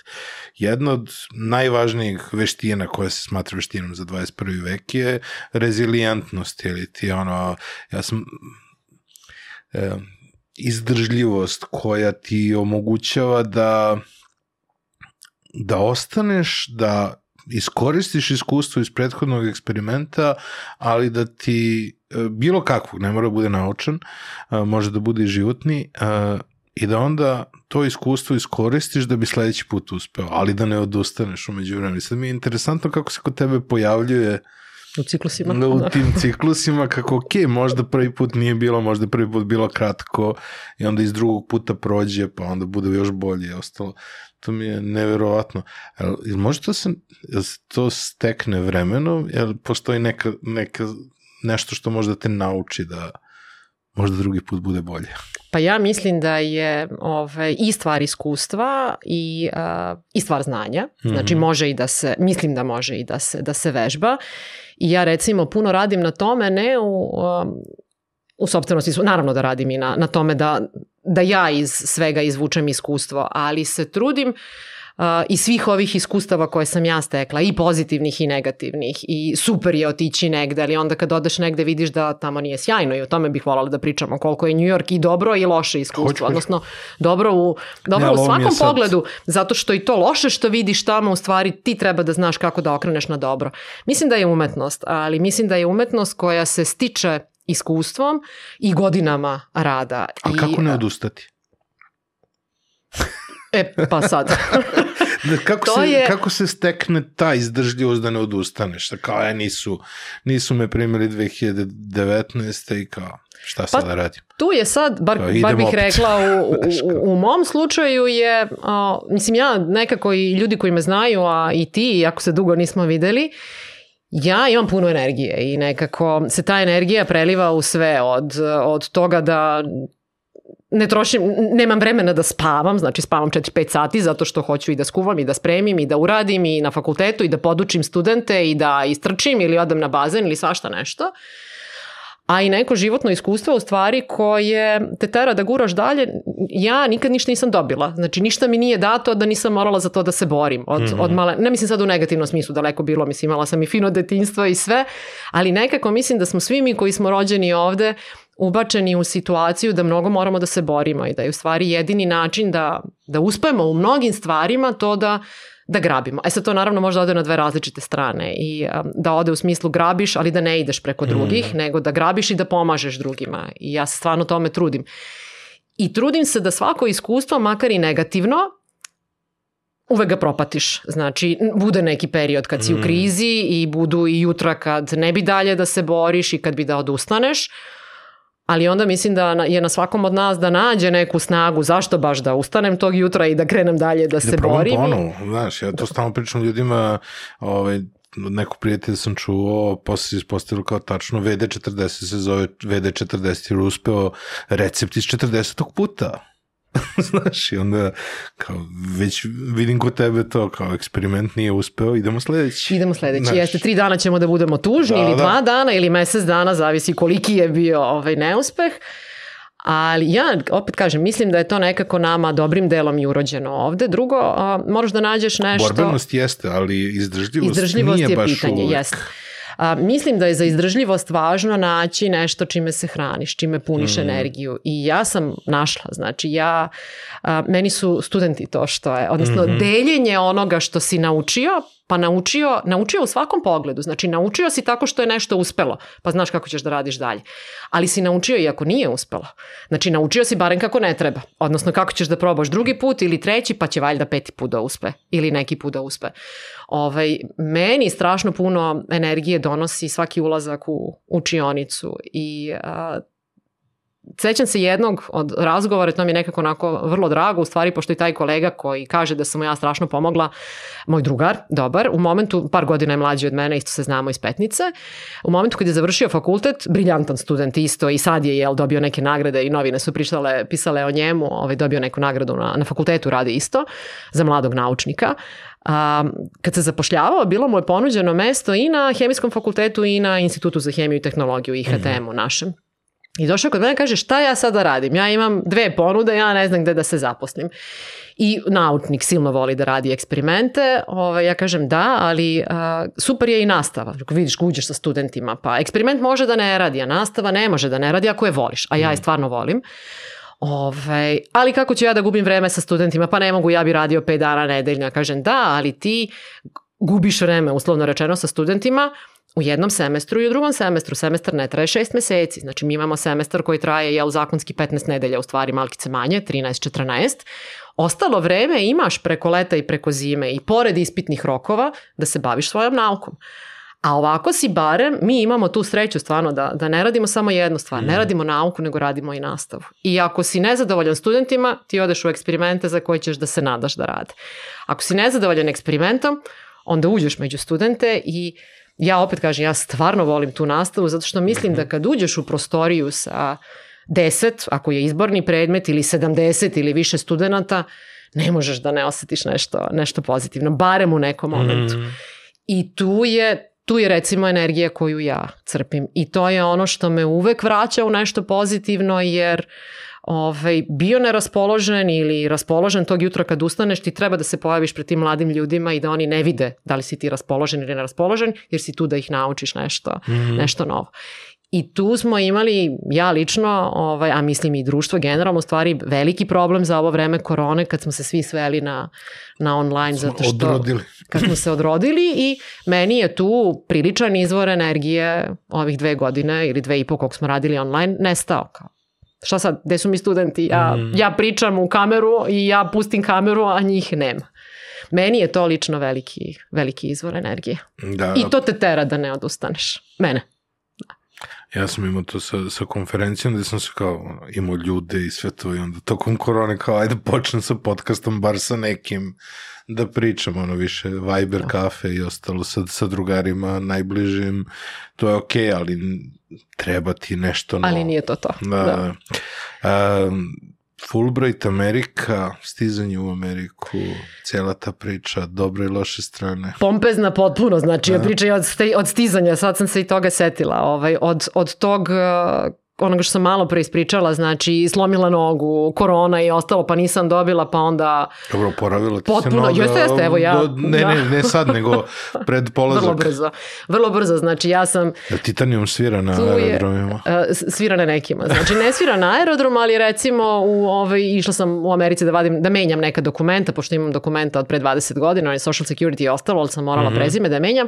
E, u toj kancelariji za ono, social security sam pištala, na aerodromima ne u ambasadi sam pištala. unutra, unutra. Pa da, da, onda, sam, onda mi skinu čizmu, pa vide res, pa vide, ali imala sam rengenski snimak na telefonu, naravno sa sobom, ono kao obezbeđenje da vide da sam titanijumska žena. Ove, ne, noga se brzo oporavila u stvari i tu je I tu se negde, ja bih rekla, pokazala moja energija. Znači, lekar koji me operisao na kliničkom centru, a, prognoza je bila ako tih ljudi, ko, pošto sam sa dve strane, puko je zglob sa dve strane, znači imam i pločice i šafove sa dve strane skočnog zgloba, je rekao da je standardno vreme oporavka 16 do 18 nedelja. Znači, 16 do 18 nedelja da možeš da hodaš bez štaka. Ja se sećam moje druge kontrole, znači 6-7 nedelja posle, posle operacije. Ja sam već mogla da hodam bez štaka, ali nisam znala jel smem. Znači ja Aha. mogu, ne boli, u ostalom kad živiš sa tri muškarca nije zgodno da čekaš da ti neko stalno donese kafu, vodu i ostalo, nego ustaješ ono, ustajao bi i više. Ne samo zbog njih, nego naravno i zbog sebe. I na toj drugoj kontroli ovaj, on je rekao, ajde da te vidim kako hodaš. I ja rekao, sa štakama, sa dve štake, sa jednom ili bez štaka. Kaže, kako to misliš bez štaka? Rekao ovako. I onda kad je video snim, znači nije mogao da veruje čovek, ovaj, a, kako hoda, meni je samo bilo bitno da kaže može. I ispostavilo se da sam valjda jedini pacijent ikada dovodio i neke druge lekare da vide na ortopedskoj hirurgiji kako neko hoda posle 8 nedelja takve operacije. Znači to je neka energija koja jel, jeste uh, meni svojstvena, ali sam u Ameriku otišla potpuno oporavljena. Pa to... da ne možeš da šetaš tamo. To, naravno, naravno. Do duše, to je bilo, znači ja sam u Ameriku otišla 1. septembra 2021 a operisana sam u maju 2020. Znači prošlo je, Da, da. prošlo je sasvim solidno vremena. Vratila sam se i na fakultet, ovaj, i sa štakama sam držala ispite i ovaj, ostalo. Ali je i odlazak u Ameriku bio pompezan, meni to sve tako nekako ide sa puno energije. Letela sam na dan kad je bila Ida, Oluja, znači ona velika, 1. septembar 2021. A, I sletela sam, znači pravo je čudo bilo kako nije otkazan bio let. Ovaj, sletela sam u New York u dva, a potop je krenuo u pet. Znači mene su sačekali profesori na aerodromu, odvezli me u stan, u Queensu sam živela, a, pošto je fakultet u Queensu, ovaj, odvezli su me u stan i sad kao idemo u razgledanje fakulteta, ali ti ponesi kišobran sa sobom. Ove, bio je potop, bukvalno to prvo veče i u tom kvartu u Queensu gde sam ja živela je Svuda bilo... te prati kiš. Molim? Svuda te me prati, prati kiša, da. i ovde kad se došli. Nadam se da neće biti ovaj, kao tamo. Znači, to je potpuno neverovatno kako to tamo izgleda. To je kiša koja je Ok, padala je puno i ne sjećam se sad podataka koliko litara Mhm. po metru kvadratnom je palo, ali je u mojoj ulici to nekako izgledalo curi voda niz ulice, kao kod nas, kao kod tebe sad ispred zgrade. I u negde u 10 uveče kad sam pokušala da, da legnem da spavam, pište sirene, znači to je tamo naravno New York, jel non stop pište sirene. A, ne znam šta se dešava, ne deluje kao da je nešto strašno. Sutradan pitan gazde, pošto sam živela u kući gde su, ja sam imala stan u prizemlju, gazde iznad, šta je bilo, pa ko- kako nisi čula. Znači, bukvalno blokovi pored su bili uh, potopljeni potpuno. E sad, potopljeni i stradali su ljudi koji su živeli u suterenu. Znači, Pa i da to, je... oni imaju one, one zgrade koje uvek kreću u suterena i jako mnogo ljudi Jeste. živi u suterenima. Jeste i to je Rela, znači to nije Manhattan, blizu je Manhattan, ali nije Manhattan, to je... tako, kako oni to zovu, one njihove zgrade. Da, da, da, one da, ali tu su, tu su ti stanovi um, ili delovi stanova bez prozora, ti ljudi koji su stradali nisu ni videli šta se, šta se, šta se dešava. O Bože.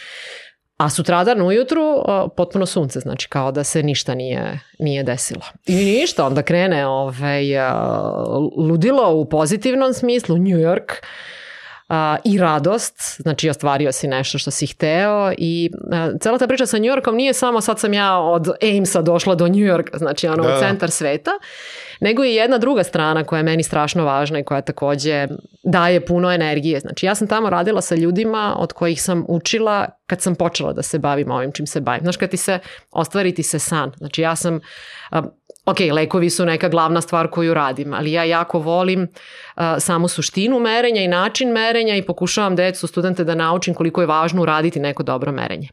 Sad, u toj konkretnoj oblasti koju ja radim, nešto elektrohemijski, a, Aleks Avdiv, čovek koji je ime meni bio čim sam počela da radim. Znači učiš iz njegovih radova, nađeš njegove knjige, nađeš knjigu i na jel, Libgenu i na sličnim sajtovima. Upoznam ga na konferenciji, odnosno on stupi sa mnom u kontakt 2012. godine kad je otvoren LinkedIn. Ove, upoznamo se na konferenciji i onda 20 godina nakon što sam počela da se bavim ozbiljnije hemijom, što sam Mhm. diplomirala, 10 godina pošto sam krenula na te konferencije, ja dođem u situaciju da radim sa njim. Da on koji je u penziji dolazi svaki dan u laboratoriju da bi radio sa mnom. Znači vodiš diskusije sa nekim ko je sad, citiranost, ono, desetine hiljada, a, koji je napisao silne knjige, znači on dolazi zbog tebe u laboratoriju, to je san, to je ovaj, ostvarenje sna s jedne strane. A sa druge strane, a, ja nisam očekivala da će meni tamo neko da prostre crveni tepih zato što im je došao Fulbrightovac na fakultet, ali s neke strane ja sam očekivala da to nosi neki prestiž, jer Fulbright nije mala stvar. Mhm. Oni svi znaju tamo, Barack Obama je imao Fulbrightovu stipendiju. Znači na njihovom fakultetu, na tom St. Johnsu, to je mali fakultet farmaceutski, na kome sam bila, imali su čoveka s kojim sam se družila to vreme koji je bio u Italiji na Fulbrightu. Znači znaju šta je, šta je Fulbright. Ali je taj stepen izolovanosti potpuno nevjerovatan. Neverovatan da je išao do, meni do šokantnog. Znači ja jesam prilično ekstrovertna osoba i jako volim da se družim i mnogo mi znači kafa sa, sa nekim. Moja ideja odlaska u Ameriku je bila super, sad ću ja da radim eksperimente, iako ih u Srbiji više ne radim, imam veliku grupu mm -hmm. studenta koja radi, a ja sedim i pišem. I tamo idem opet u izlet, sad ću ja malo opet da, da ovaj, čeprkam po laboratoriji, a onda u stvari uh, dođem u laboratoriju koja je u potpunom kršu Znači, ok, nema crvenog tepiha, ali nisam baš očekivala da i od osam aparata koji mi trebaju ni jedan ne radi, nego da ću morati da zasučem rukave i da popravljam aparate, aparat, da čistim fioke stola u kome sam, da ću imati a, tri laboratorije u koji ni jedna nema prozore, znači one imaju milionsku opremu ali nema prozor i onda dođeš u situaciju da super je meni moj kabinet od 9 kvadrata koji je u stvari zastakljena terasa jer ja u njemu bar prozore imam. Aha, znači, aha. I onda doživiš te neke šokove da te niko ne zove na kafu. Znači ja, grupa u kojoj sam bila su, osim tog je Alex Avdifa koji mi je s kojim sam šetala, on živi na Manhattanu, svaki vikend, šetnje, maraton, ručkovi zajedno, znači da njega nije bilo, verovatno bih poludela.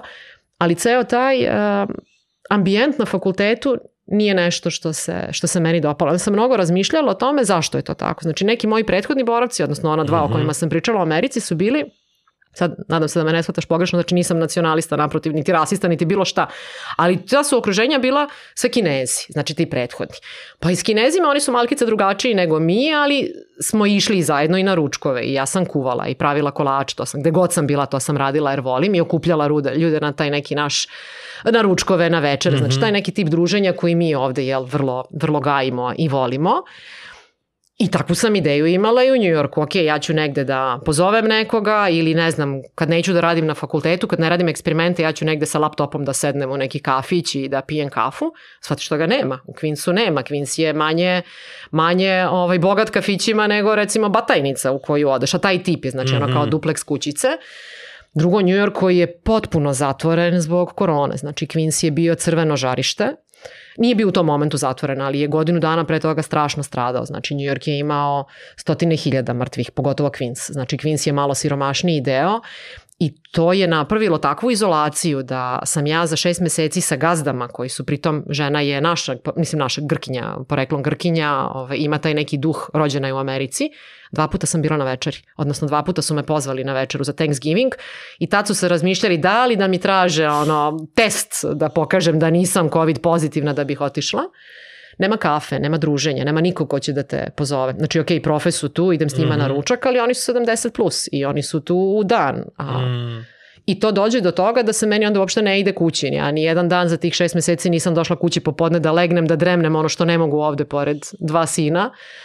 Ove, nego sam ostajala na fakultetu do 10 i nema, nema kafe, niko te ne zove na kafu, niko te ne pita šta radiš, kako ti ide, Znači ne da nema crvenog tepiha, nego nema ničega drugog. I to strašno fali. Znači imala sam, grupa se u tom momentu profina već raspala, bila ma kako veliko on ime bio. On je, on je ime koje, koje je uvek imalo puno studenta zato što se iz njegove laboratorije dobija posao u Pfizeru, Novartisu, Aha. u velikim kompanijama. Jer kad kažeš si radio kod Abua, to je velika odskočna daska za bilo šta dalje. Grupa se raspala koronom i tu je bilo dvoje studenta u tom momentu koji su meni bili super, ali prosto nije bilo, donosila sam ja ručkove, ja sam kuvala, pa onda da, nas troje da, da. sednemo zajedno na ručak, ali su drugačiji nego mi, nema to kafa i ostalog. kako su napravljeni novi, novi modeli ono, ponašanja tokom, tokom korone i kako se gomila nekih novih stvari desilo, znaš, meni se desilo po, ne može se kaže posle korone, ali posle onog glavnog haosa, meni dolazi Mira koju nisam vidio tokom celog tog perioda i prilazi da me zagrli.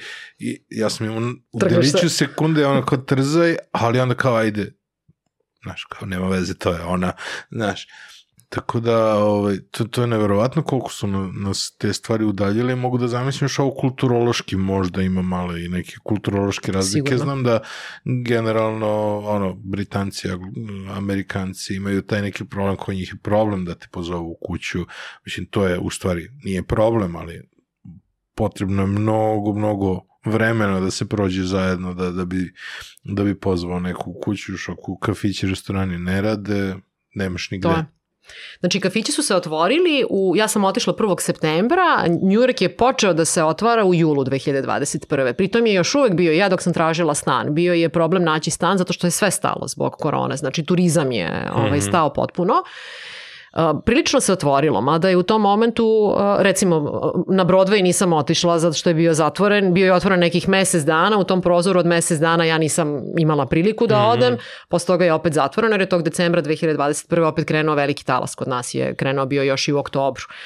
Ove, a, otvorili su se pa su se zatvorili pa stoji sve to, ali ima i tog kulturološkog jaza. Znači ceo taj ceo krug ljudi sa kojima sam ja radila je bio malo neobičan i ja sam imala priliku da, našla sam jednog profu koji je bio laboratorija pored moje, mm -hmm. moj profesor je bio super i mi smo išli svaki dan na ručak, ali recimo za šest meseci me nikad nije pozvao kući, to ni, jedno, ja ni u jednom prethodnom iskustvu i Amerike i Mađarske nisam imala takvu situaciju, išli smo i po kućama i po restoranima i ja zvala, kuvala, pravila.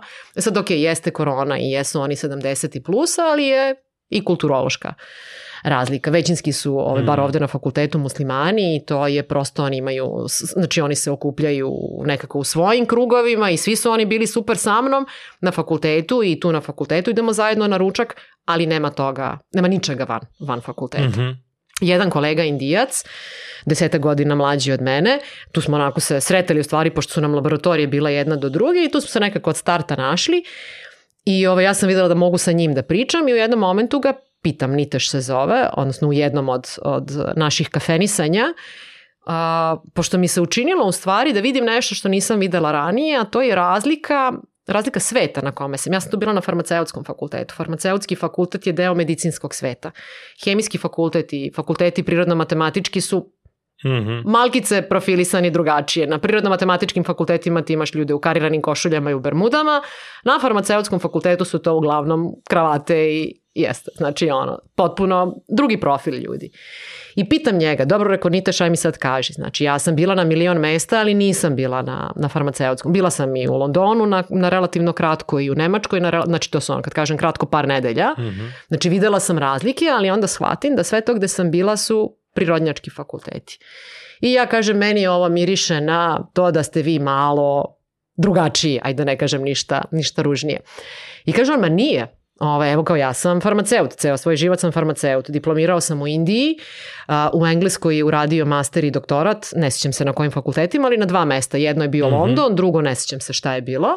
Pa je u New Mexico u Americi došao na postdoktorat, pa se onda zaposlio u New Yorku tu na St. Johnsu.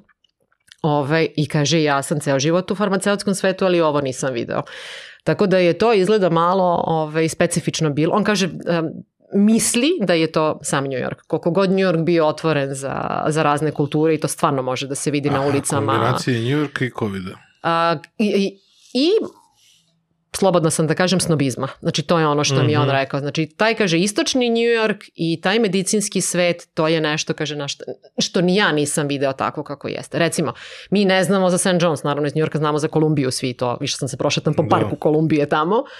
Ove, I meni, ja za St. John's nisam ni čula ranije, to je katolički mali univerzitet, isključivo ono far farmacija i medicina. Uh, nisam čula dok nisam upoznala profu kod koga Aha. sam i bila. Međutim, u, u međuvremenu dok sam ja bila tamo je uh, kod njega u laboratoriju došla italijanka Sabrina, ovaj, rimljanka inače, ali u Ferrari radi sad doktorat, treba i da doktorira ovih dana. I onda smo se Sabrina i ja tako, ono, jel, južnoevropska krv Da. združile, iako je Sabrina 20 godina mlađa od mene. Sabrina je farmaceut.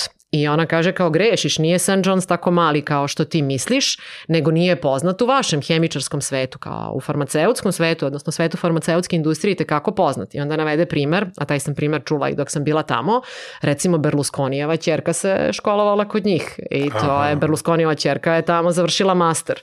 Tako da nije da nisu poznati i očigledno na toj nekoj poznatosti i na tome što imaju veze sa, sa svim tim velikim farmaceutskim kompanijama ovaj, grade tu osnovu da ne piju kafu ni sa kim. Dobro, da te ne zovu na kafu. bar si imala vremena za šetanje, gde si sve bila? Uh, to je, ovaj, shvatiš u stvari da je šest meseci u Njujorku malo da, da vidiš sve. Znači, ja sam živela u Queensu, Queens je ogromno, najveća, najveća opština od pet njujorskih opština I meni, znači meni je, birala sam stan tako da je jel bezbedan, što je opet e, nešto na što nismo navikli ovde da moraš da gledaš u kom si, u kom si kvartu, to nisam navikla ni svojim prethodnim boravcima u Americi, ali sam, Kaži, Došao s Karaburom, ne ono. Pa ja na Karabur mi mogu da prođem i u jedan noću, znači meni pričaju kao taksisti ne treba da se šeta, ja to nisam primetila, jeste. Ove, ne, mi šetamo na Karabur mi iz grada u dva noću kad ostanemo u gradu, što je redko sad. Ove, ali da, rekli su mi otprilike, ne znam, na Džamajku se nikako ne ide, ovaj deo aha, gde su, ove, tu gde je blizu fakulteta, ispod, znači ima bukvalno ulica, ovamo ideš, ovamo ne ideš. Našla sam stan u kvartu koji je, na, ono, bukvalno mi je 12 minuta trebalo peške do fakulteta, to mi je naravno bilo jako važno. A do Manhattana 10 minuta autobusom i pola, pola sata vozom, što tamo nije strašno uopšte, znači prevoz savršeno funkcioniše.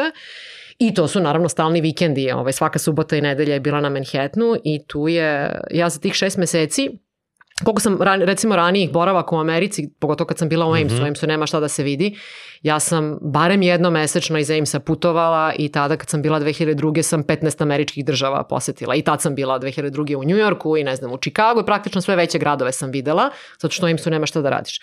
Za ovih šest meseci u Njujorku ti ne dobiješ želju da, da odeš bilo gde. Ove, ovaj, bila sam u San Francisco koji mi je od pre 20 godina ostao kao nešto Aha. najlepše, znači to je ona bila želja, igram slučaja moje kolege, bivši studenti, drugari sada su tamo, pa sam išla da ih posetim i bili smo, kad je bila porodica, iskoristili smo priliku da za naš Božić u januaru odemo za, na Floridu. Imamo tamo neku rodbinu, pa je to onda bilo jel, jedinstveno iskustvo kupati se u januaru, pogotovo što nam je i sin u rođendan tad, i ono, slaviti Božić e, u kupaćim gaćama i ostalo. Ali ti u stvari kad si u Njorku uopšte nemaš potrebu ni da, da putuješ negde, odnosno osjećaš da ako negde putuješ da si izgubio vreme, zato što ima toliko stvari da se vide, znači od, od ulica, od um, energije na ulicama koja je neverovatna, ali po tom nečemu mene Beograd podsjeća na, na New York u stvari. Ti mali kafići po uličicama kao što ih mm -hmm. imamo u centru grada i na Dorćolu i broj ljudi koji stalno viđaš na, na ulicama je ono što je ta energija koju vidiš i na Manhattanu. Ono što nemamo, nažalost, su svi ti muzeji, imamo ih i ovde, ali nekako nismo skloni da idemo i nemamo ih naravno toliko koliko Samo ih ima tamo. Samo za noć muzeja. Šta kažeš? Samo za noć muzeja. Samo za noć muzeja. Jeste, mi smo ovaj, u, u jednom momentu smo vodili, u stvari kad se otvorio ponovno Narodni muzej, shvatili smo da i to stvarno Narodni muzej i tekako vredi i uh, Išli smo, vodili smo i decu i Narodni muzej je nešto gde ne treba da odeš jednom u 5 sati, nego ima da se vidi i tekako da ideš nekoliko puta na po 2-3 sata. E, naravno toga ima sve u ono, predimenzioniranom svetu. Mm. Ali je sjajno, znači sve od, od omiljenog, meni omiljenog mesta, koliko shvatam i dosta ljudi ima to kao omiljeno mesto, taj Bryant Park, to je ugao 42. ulice i 6. avenije, tu je trg Nikole Tesle, mm -hmm. tu je centralna njujorška biblioteka u koju je ulaz slobodan, to je ono da su Ghostbustersi snimani, znači da vidiš one prelepe svodove, zerene lampe kao u Harry Potteru, od Grand Central stanice koja je doživlje i arhitektonski i po ljudima sama za sebe, od, od, od šetnje, znači ja Dosta sam vremena provodila sama, pošto je Alex je deka koji ima strašno puno energije, ali ipak ima 76 godina, znači ne može baš da šeta 20 i nešto hiljada koraka koliko ja mogu dnevno. I onda su ti vikendi prolazili tako što ja išpartam ujutru, pa nas dvoje sednemo aha, zajedno negde na ruča kafu, pa onda on ode kući jer ne može više, a ja nastavim. Kad si sam, onda nekako nemaš mnogo želju da ideš po kafićima i drugo još uvek je bilo dosta zatvoreno. Ali ovaj, ti ne treba zato što je ta energija na ulicama neverovatna. Znači šetati Njujorkom i, i gledati sve ono okolo i osetiti one ljude je spektakl. A plus kad je zima, onda naravno Prirodnjački muzej i Guggenheim i Metropolitan, to je. Za Metropolitan sam imala propusnicu. Ovaj, žena, odnosno devojka od tog Aleksa, koja je ovaj, takođe profa tamo na Njujorskoj školi prava, ona je pretplatnik za Metropolitan, tako da sam imala karticu, dala mi je jednu od svojih kartica na koju sam mogla da uvedem sebe i još troje mm -hmm. ili četvoro sa mnom. Tako da kogod je dolazi u Njujork, mi smo iskoristili priliku da uđemo u Metropolitan. Met. Uh, koliko ti trebalo da središ laboratoriju? Uf. Je Pa bilo ono... ne bih rekla da sam je i do kraja sredila. Znači, to je, to je bilo prilično nerviranje i ja sam ovde slala, ali bukvalno je bilo to. Znači, kad sam videla, prvih dana sam sređivala Gde papire, se kupuju gumene čizme. gde se kupuju, nisu mi trebali čizme, ali gumene rukavice Da. jesu i sprej za prskanje i za čišćenje i za, za dezinfekciju. Znači svojim ovde najbližim saradnicima koji su mi drugari, umeđu vremenu su doktorirali kod mene, sam slala slike i sad pošto smo mi već jako dugo zajedno i rekla bih da smo ne samo ovaj, nastavnik, odnosno mentor i student, nego na relaciji kao tetka i sestrići, ajde da kažem, to mi je nekako najbliže, ja se emotivno vežem sa njima, Ovaj, gde god sam išla, slala sam im slike i dosta toga su oni prošli sa mnom i oni sarađuju sa ovim ljudima, jedan taj kolega Miloš, on je i bio sa mnom u Budimpešti na tom projektu koji smo imali, tako da nekako zna da ja gde god da odem ne možda me ne dočeka čišćenje. Sad, nije to samo do laboratorije u koji sam ušla, to je i do mene, pošto ja volim da, da napravim red, onako si analitičar, i analitičar sam i u glavi, ovaj, mora da bude složeno, ali tu je stvarno bilo zasuči rukave i briši prašinu. I, i to me pogodilo. To me pogodilo. Uzelo mi je dve, tri nedelje, dve nedelje čišćenje, a dovođenje aparata u red, pa boga mi, do, do, sam kraja, do samog kraja boravka ja nisam uspela sve da sredim. I to je bilo jedno razočarenje, zato što odeš i očekuješ da sad kad imaš ajde ne mogu da kažem sva iskustva, ali puno iskustava i kako nešto radi i kako ne radi. Odlaziš u laboratoriju u kojoj imaš milionsku opremu, a doživiš da ipak nešto ne radi i da moraš sam da popravljaš. To jeste bilo jedno, jedno razočarenje i razočarenje da nisam uradila onoliko koliko sam mislila da ću, da ću raditi. I bilo je dana kad je stvarno bilo ono kao ja meni se danas ne ide na fakultet, ja bi radije ne radila ništa zato što si pogođen svim mm -hmm. tim i onako ovaj, ja sam uvek bila i optimista i nikad nisam bila depresivna, ali bilo je tih dana kad si stvarno razočaran tim što si, što si dobio tamo i što sve moraš. Brate, kao i sa Fulbrightovac moram da zasučem rukave i da brišem prašinu u laboratoriji. Ali onda kad sam se vratila, onda u stvari i dok sam bila tamo, naučiš ono o čemu smo pričali na početku, u stvari pokušavaš da naučiš da i to što je negativno pretočiš u pozitivno i da zbog takvih stvari koje vidiš i u centru sveta, onda malkice više ceniš ovo što, što imaš ovde. E, zato mislim da je jako važno otići. Znaš, zato što kad god odeš vidiš i pozitivno i negativno, samo je pitanje koliko to ćeš biti sklon. Sliku. To gradi celu sliku. Mm. Upravo. Gradi celu sliku i uh, važno je i ono što, na čemu treba sami da radimo je da, da prepoznamo i, i, i dobro i loše i da kad vidiš da je nešto loše ne kažeš samo da je loše, nego da ako nemaš to da promeniš, onda barem da ga ugradiš u neko sledeće iskustvo, da sledeće ne bude toliko loše. Ja recimo, tad su me pitali, naravno da nije bilo ni govora o tome da, da sad ja kao ostanem nešto tamo, iako su me, nagovarali su me i, i taj profil koga sam pominjala u Aimsu Ed, i on mi je nudio da ostanem, ali ja sam tad već znala da želim porodicu da gradim ovde. Mm -hmm. Sad već nisam sigurna da bih želala da moja deca ostanu ovde, pošto smo nekako otisnuli u poslednjih 20 godina. Volala bih da oni grade svoj život negde drugde, ali meni nije krivo što sam, što sam ostala. A sad isto su bili, ponudili su mi kao, jel bi ti htela da ti mi nađemo poziciju ovde? Rekao, neka hvala. Rado ću doći kad me pozovete još neki put. Mm -hmm. Čak nisam sigurna i da bih otišla ponovo na šest meseci. Znači na mesec dana to će verovatno ići zato što um, kolega student koji je ostao u Njujorku da radi doktorat i dalje sarađujemo i tu su i dalje online sastanci i mi deo merenja radimo ovde, on radi tamo pa naravno razmenjujemo rezultate, publikujemo, odnosno štampamo radove zajedno. I volela bih, to jest dogovor je da odem da mu budem u komisiji za doktorat koji će, nadam se, braniti sledeće godine. Vidjet ćemo da li će tako i biti. Ovaj, ali ne bih išla ponovo na šest meseci. Ne bih rado išla ponovo na šest meseci. Do, Dosta. Do 2032. Do 2032. 2032. neće otići u penziju još, da. e, da dopunimo kafu. Ajde, e, može, hoću ja, da. Dopunili smo kafu. Um, kako funkcioniše taj networking, to povezivanje sa ljudima? Uh, vidim ovo kako si pričala da si sa profom se povezala još 2012. 2020. realizovali neku saradnju. Saradnju realizovali ranije, samo aha, smo radili, aha. radili smo na dve tačke, a ovaj 2022. smo radili u jednoj tački. Da, da, da. Kako, kako to funkcioniš u naučnom svetu?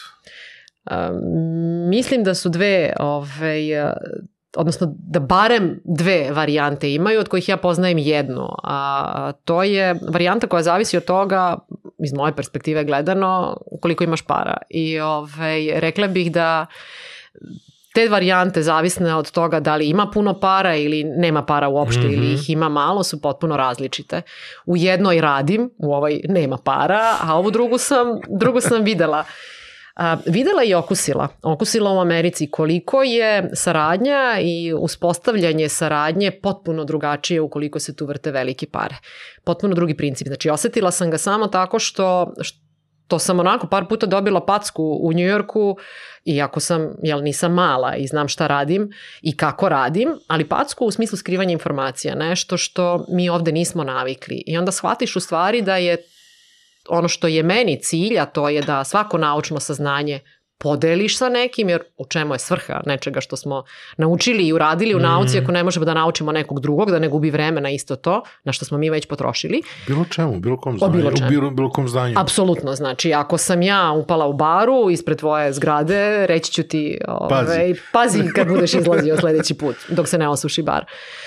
Ove, ovde je malkice drugačije i u tom, barem kažem, delu tog farmaceutskog sveta što sam ja ovaj, videla, je i uspostavljanje saradnje potpuno drugačije. Znači sve pitanje interesa. Sve pitanje interesa, financijskog interesa.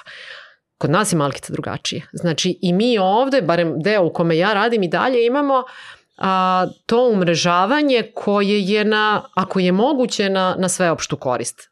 Naravno na sveopštu korist koja mora da bude vezana i sa financijama, jer ne možemo ništa da radimo ako nemamo nekakve financije. Ali mi se čini da U stvari ja mislim da je to između ostalog i zbog toga kakvi smo, a ne samo zbog para. Nadam mm. se da mm. nije samo zbog para. Da je naša mogućnost umrežavanja nekako veća. Mislim, nekako smo tome skloni, čini Možda mi se. Možda nemamo para što previše delimo. I to može biti. ne znamo da ih napravimo, a ne znamo ni da ih zadržimo kad ih, kad ih napravimo. Ove, mislim da je uh, jako važna i saradnja i umrežavanje i pare su naravno i tekako važne. Sad naći pravi balans između mm. toga šta se deli, kako se sarađuje, to je nešto što je vrlo individualno i meni se čini da i tekako zavisi od od osobenosti. Znači ja imam jako puno konekcija po svetu. Jako puno rekla bih opet u odnosu na referentni sistem koliko ljudi inače mm. imaju networking i Uh, I kad pogledate telefonski imenik i broj e-mail adresa i ljudi sa kojima komuniciram i koje mogu da okrenem bilo kakav problem kad, kad nastane od toga da nam fale vijalice u laboratoriji koje inače koštaju 500 dinara, ali mi ne možemo da ih kupimo jer nemamo tender, do toga gde ćeš da izmeriš nešto ako aparat nemaš ovde, to mi nekako dobro ide.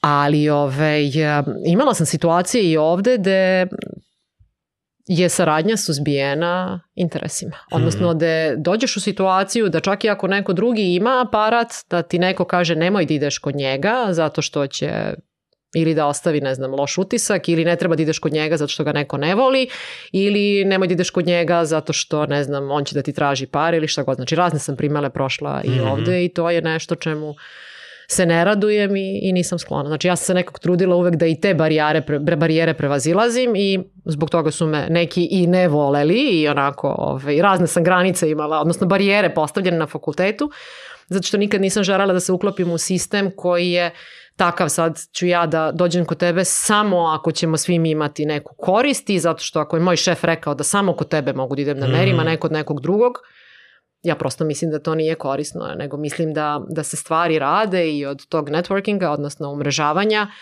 tako da svi imamo neku krajnju korist. I opet ne mislim na, na materijalnu korist, naravno. Nisam naučila da mislim na materijalnu korist jer radimo u svetu u kome nema puno para, ovaj, nego nekako da bude za, za opšte dobro. A kako održavaš kontakt?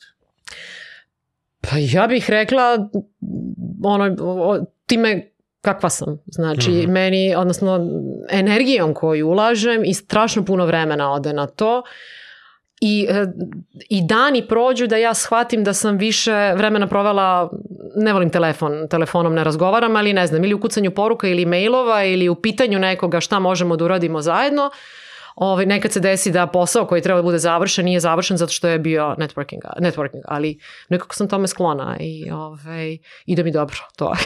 Kako ne, ne znam, tako, ta, takva sam.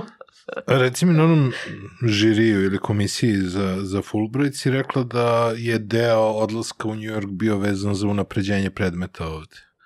Koliko uvođenje predmeta i da, uvođenje posle, unapređenje. Da, da, da, da. Ove, ovaj, koliko si tome doprinao?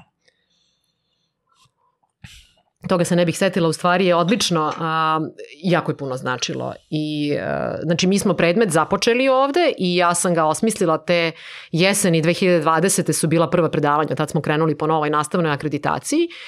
I to je bila jesen da sam još bila ovaj, sa ono, operisanom nogom. Ja sam počela da radim nekad u septembru posle četiri meseca bolovanja, ali onda sam se vrlo brzo razbolela od COVID-a, pa sam mesec dana bila i na tom bolovanju, COVID pre vakcine. A, I u roku od tri meseca znam da sam, četiri sata predavanja su na tom predmetu, moj je predmet, samo ga ja držim. Šesto i nešto slajdova sam napravila za kurs u toku ovaj, bolesti i svega ostalog i bila sam jako ponosna jer smo ja i moji asistenti vrlo brzo u stvari ustanovili kurs, za to sad i pišem učbenik. A onda neke stvari o kojima sam pisala nisam imala, odnosno pravila predavanja, a nisam imala prilike da ih probam sama, sam probala u Americi. Pa sam nakon Amerike uvela još dva ili tri predavanja mm -hmm. i neke, dva, tri. Dva sam uvela, a jedno sam proširila iskustvima koje sam imala tamo. Jer se prethodno nisam usuđivala da pričam neke stvari, jer prosto o njima ne znam. Mislila sam da ne znam dovoljno. Iskustvo u tih šest meseci, znači ne samo eksperimentalnog rada i tehnika koje sam tamo probala, ovde nisam imala mogućnosti, veliko iskustvo je i u tome šta sad ja mogu da inkorporiram u ovaj predmet. Mm -hmm. I u stvari se sve nekako sjajno složilo. Znači mi smo uh, uveli, uvela sam taj predmet 2020. Držala sam ga dve godine, držala sam ga iz Amerike. U stvari, jedna dobra stvar koju je korona donela je da sam mogla da držim nastavu online. I to je, ja sam dobila plaćeno odsustvo naravno od fakulteta, to je, to se nekako podrazumeva, pogotovo kad si Fulbrightovac, iako ima pravilo, u stvari i toga se pravila držim. Naš fakultet kaže, nisam sigurna da li je to zakonski ili samo pravilnik fakulteta, mislim da je čak i zakonski, da možeš da dobiješ jednu godinu plaćenog odsustva u okviru pet godina. Znači, mm -hmm. obzirom da ja putujem svakih deset godina, imam pravo, jel, imala sam pravo na plaćeno odsustvo i nije mi fakultet tražio da, da držim predavanje. Međutim, ja birala sam jesenji semestar, išla sam od septembra do, do marta, birala sam jesenji semestar jer u jesenjem imam nastavu samo na master. Znači, nema male studente druge prve Jesen godine. Jesen u Njujorku, razumem. Jesen u Njujorku, e, apsolutno. Razumem. Mada i proleće nije loše uopšte, ali nisam ga doživela. O, zima je gadna, boga mi, da. minus 12 nije baš zgodno. Jesen u Njujorku. Ove, ali um, plaćeno odsustvo podrazumeva da ne moraš da držiš nastavu. Međutim, meni je bilo žao da drugu godinu, odnosno prvu godinu nakon uvođenja predmeta, ja sad ukinem predmet, a kao tamo smo počeli da imamo po nekoliko studenta na izbornom predmetu. I onda su i kolege s fakulteta izašle u susret, pa su mi namestili predavanja tako da mi bude u Njujorško jutro, znači u dva sata ovde, još uvek išla nastava online. Ma, na master studijama mi uglavnom mm -hmm. imamo predavanja kasnije popodne, mlađima pravimo predavanja ujutru Sve su mi prilagodili, znači to je baš bilo onako fair. Tako da sam se ja budila i mogla da držim predavanja iz Njujorka u 8 sati, onako gore obučena, dole u pidžami naravno, ovaj, od kuće, uredno našminkana, sa kafom tu. I to je bilo super iskustvo. Zato što sam, i to sam posle dobila i kao reply od studenta. Ti studenti su umeđu vremenu svi položili ovaj, taj ispit. A, zovemo predmet analitičke metode u dizajnu i razvoju lekova, iako je suština to kao fizičko-hemijske metode. Ali ajde, katedra smo za analitiku, pa smo se dogovorili da, da tako zovemo. A, videla sam posle kad sam se vratila koliko su, pošto su studenti polagali ispit naravno te kad sam se vratila, ne možemo zakonski mm. da održavamo ispit iz Amerike, a, koliko je njima značilo to što im predaje neko ko u tom momentu nije tu. Znači neko ko je u, u laboratoriji koja se bavi upravo tim o čemu ja... u poslu. Apsolutno. -hmm. Znači i to je nešto što, su, što mi je reply kad su rekli ja profesorka nama je bilo super i sve to što smo čuli jer je to potpuno nova stvar. To se na hemiji ne uči. Znači to su stvari koje su bliske sigurno ljudima sa farmacije i na farmaceutskom fakultetu, ali hemičarima je novo. I naravno ja ne pričam ono što pričaju farmaceuti, ovo ipak ta neka farmacija, odnosno rani razvoj, rani dizajn, odnosno dizajn u ranom razvoju lekova, fazi ranog razvoja, sa hemičarske strane. Znači, to su neke stvari na koje farmaceuti ne obraćaju toliko pažnje jer se oni bave nečim drugim. Ove, M je novo studentima, lepo, interesantno, jer lekovi su uvek interesantni i svaki iskorak iz onog nečeg uobičajenog je lep, plus što im priča neko koji je u tom momentu u ono, jednoj od svetskih najboljih laboratorija i kod plus, čoveka.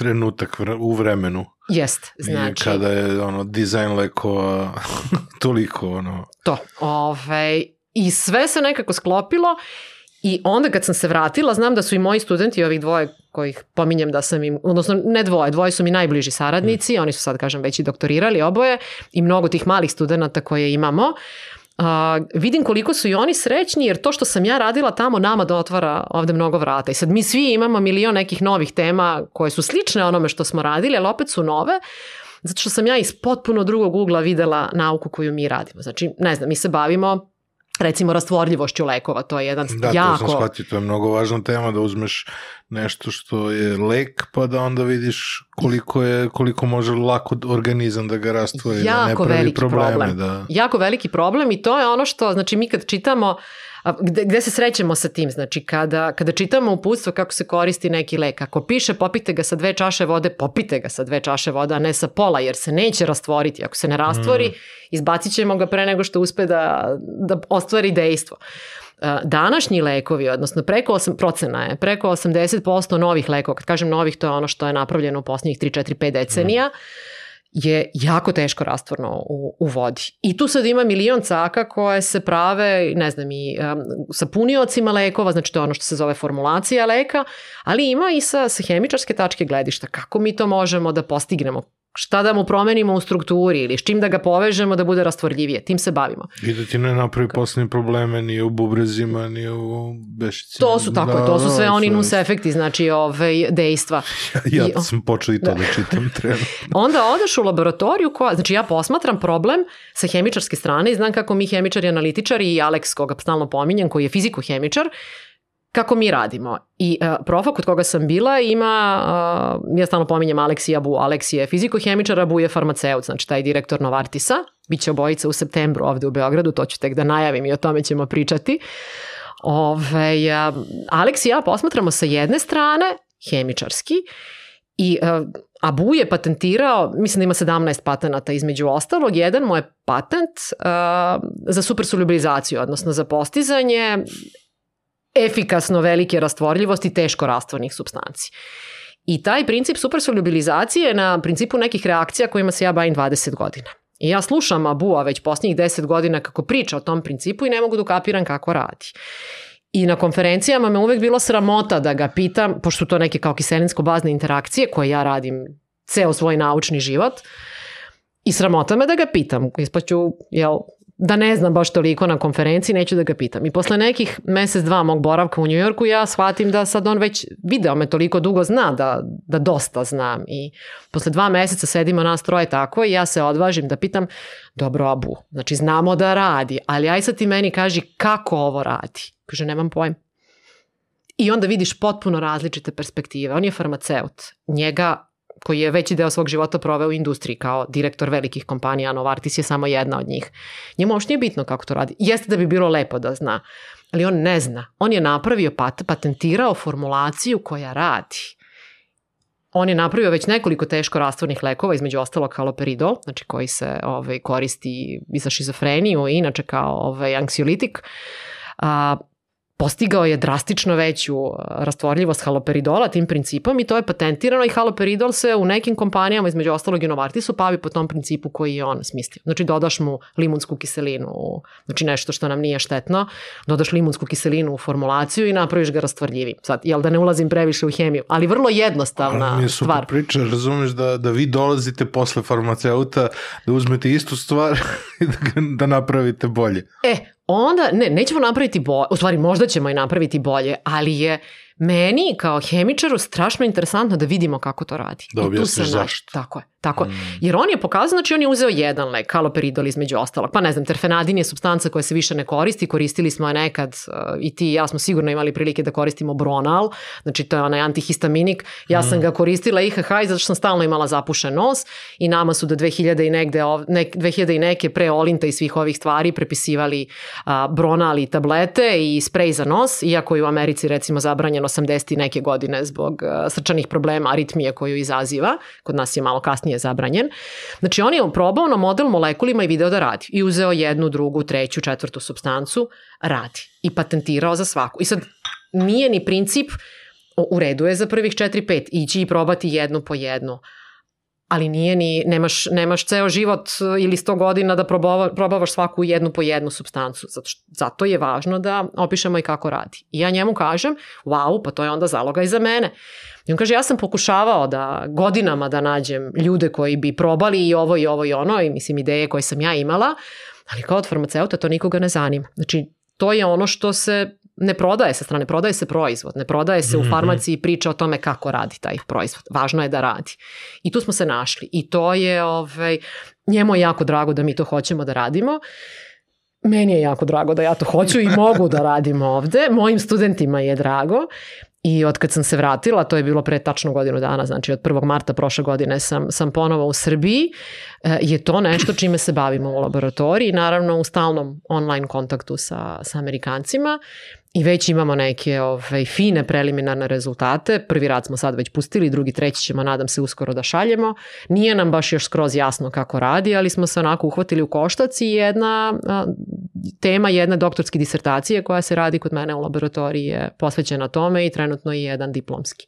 Ali interesantno koliko to pruža širinu, jer često se dešava sada, naročito sa nekim fokusima, sa dubokom domenskom ekspertizom u jednoj oblasti i ostalo, da ljudi često nemaju tu neku širinu da, da shvate i zašto nešto funkcioniše na određen način i kako i da da na kraju dana i ti objasniš i studentima zašto je važno da se to pokaže zato što može dugoročno da, da omogući neke nove pronalaske i neke nove Smešim se zato što ovaj, si pogodio tačku koja je, o, nije baš za smejuljenje, onako je malo bolna, ali mislim da je uh, jedan veliki problem koji mi imamo ovde, to je parcionisanje, parcionisanje problema i sagledavanje I ti radiš na jednom šrafu, a kako mašina cela radi, nikome nije važno. Ili možda i jeste, ali nećeš da podeliš informaciju sa nekim drugim. Ili ti je neko zabranio, ili te ne zanima šta onaj drugi radi i mislim da to jeste veliki problem. I, i nažalost to postoji i kod nas. I ono što sam pomenula na samom početku da mi se kao delimo, ne znam, analitička hemija ili organska hemija, pravimo podelu samo u hemija, skloni smo deljenju i na nauka, hemija, biologija, znači nema nikakvog smisla. I jedini smisao je da razmenjujemo i znanja i iskustva i ja se jako trudim da to radim, Hmm. ali ima puno onih koji to brane iz uh, finansijskih interesa ili iz, ne znam, sebičnih interesa da ostane najbolji ili jedini u, u svojoj oblasti, A ponekad i bez razloga. a ponekad i bez razloga. Jer misle da to tako treba. Nažalost. Da, Ove, da. I ja sam se puno sretala sa tim ovde i a, puno sam ajde uslovno da kažem šamara dobila zbog toga što sam pokušavala i pokušavam i dalje da, da probijem te barijere, zato što su ponekada problemi sa kojima se srećemo potpuno besmisleni. Znači neko ti je rekao nemoj da ideš tamo da izmeriš to nešto zato što se ne voli sa tim nekim drugim ili da taj neko drugi ne vidi šta ti radiš. Meni to nije blisko i mi stvarno nekako imamo, ovaj, barem ja i moja grupa imamo mikroklimu u kojoj ne funkcionišemo tako. Znači mi ćemo svakom da pomognemo ako Mhm. možemo i isto tako ovaj, zatražit ćemo pomoć od svakog, pa sad da li će nam taj neko dati pomoć, to je već nešto što zavisi od, od nekog drugog. Ali smo otvoreni za saradnju svakog tipa jer mislim da jedino tako ima smisla. Kad smo kod te saradnje, e, već smo dva puta pominjali septembar i organizaciju događaja koju ste dobili. Wow. Ceo svet gleda u Srbiju u septembru. Gledat će, nadam da, se. Gledat će. A, dizajn i razvoj lekova.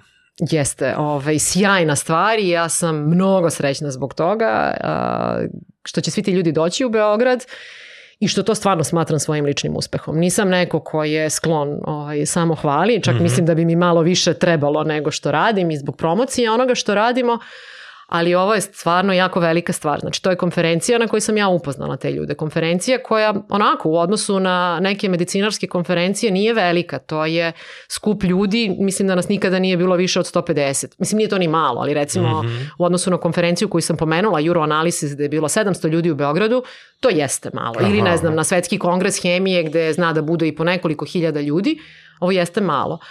Ali opet 150 ljudi ili 200, mi sad ne znamo koliko će biti u Beogradu, je ovaj, baš wow. Znači, to je konferencija koja postoji već uh, od 2008. 9. 7. ne mogu sad tačno da se setim, ja je posećujem od 2013.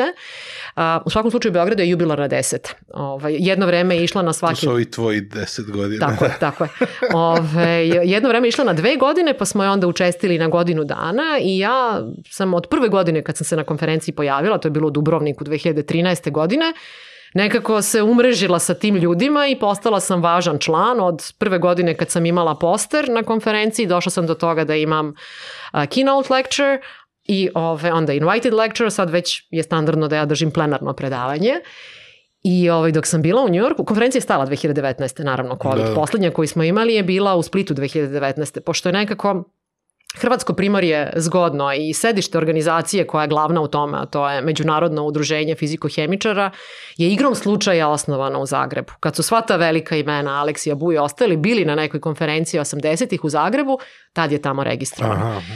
I onda je nekako jednostavno bilo i svima, jel, drago da dođu na hrvatsko primerje, pa su prve konferencije krenule bile isključivo u Hrvatskoj, a onda su proširene, tako da je sada svake godine, odnosno COVID je napravio pauzu, ali je išla svake godine, jedna godina Evropa, uglavnom Hrvatska bila do sada, pa je bilo jedne godine u Osaki, jedne godine je bilo u Makau, jedne godine je bilo, ne mogu setim u kom gradu, Žuao ili kako god se zove kineski grad, ne znam, i trebalo je prošle godine da bude u Šangaju.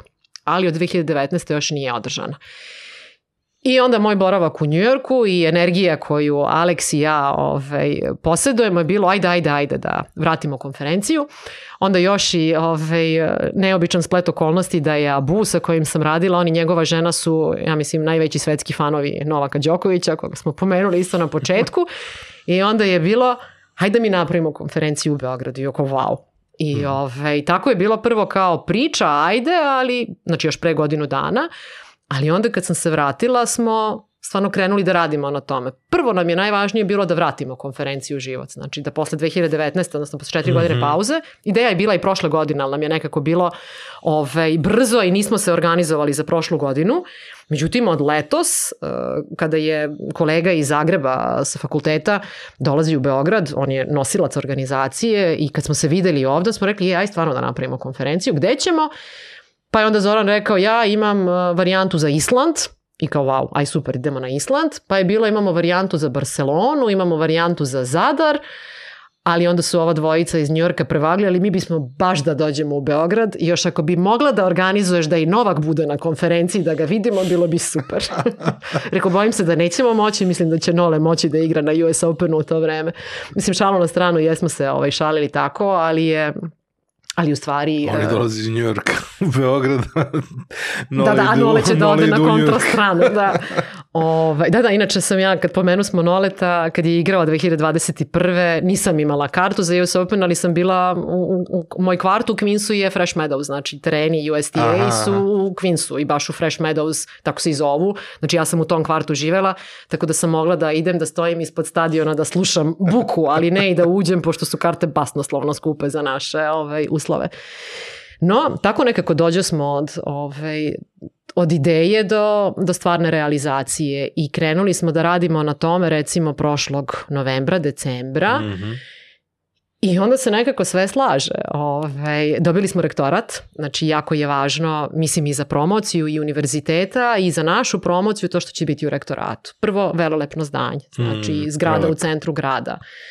Um, dalje, samo to što, što je rektorat podržao, znači da mi imamo ceo univerzitet između, iza sebe. Znači onda nije da jedan hemijski fakultet koji je mali fakultet Beogradskog univerziteta to pravi, nego je organizator ipak univerziteta u Beogradu. Mm -hmm. I ja se iskreno nadam da će to da bude onako prilično dobro. Mi smo ove nedelje, koliko večeras kad se vratim kući ćemo da pustimo je obaveštenje da smo otvorili, prvo obaveštenje da ide konferencija smo pustili još pre dva meseca i oglasili i dobili datume od rektorata, sve znači utanačili kad, gde, šta. Ja već više puta bila u rektoratu da ovaj, vidim prostor gde ćemo i šta ćemo. Tu isto važna stvar, umrežavanje u stvari kako smo i došli do toga da možeš da, mislim osim što je rektorat moj, jer radim na univerzitetu, ali ipak ti znači da znaš neke ljude tamo, da, no. važne ljude ovaj, da prođeš da vidiš, da dobiješ šta ti odgovara.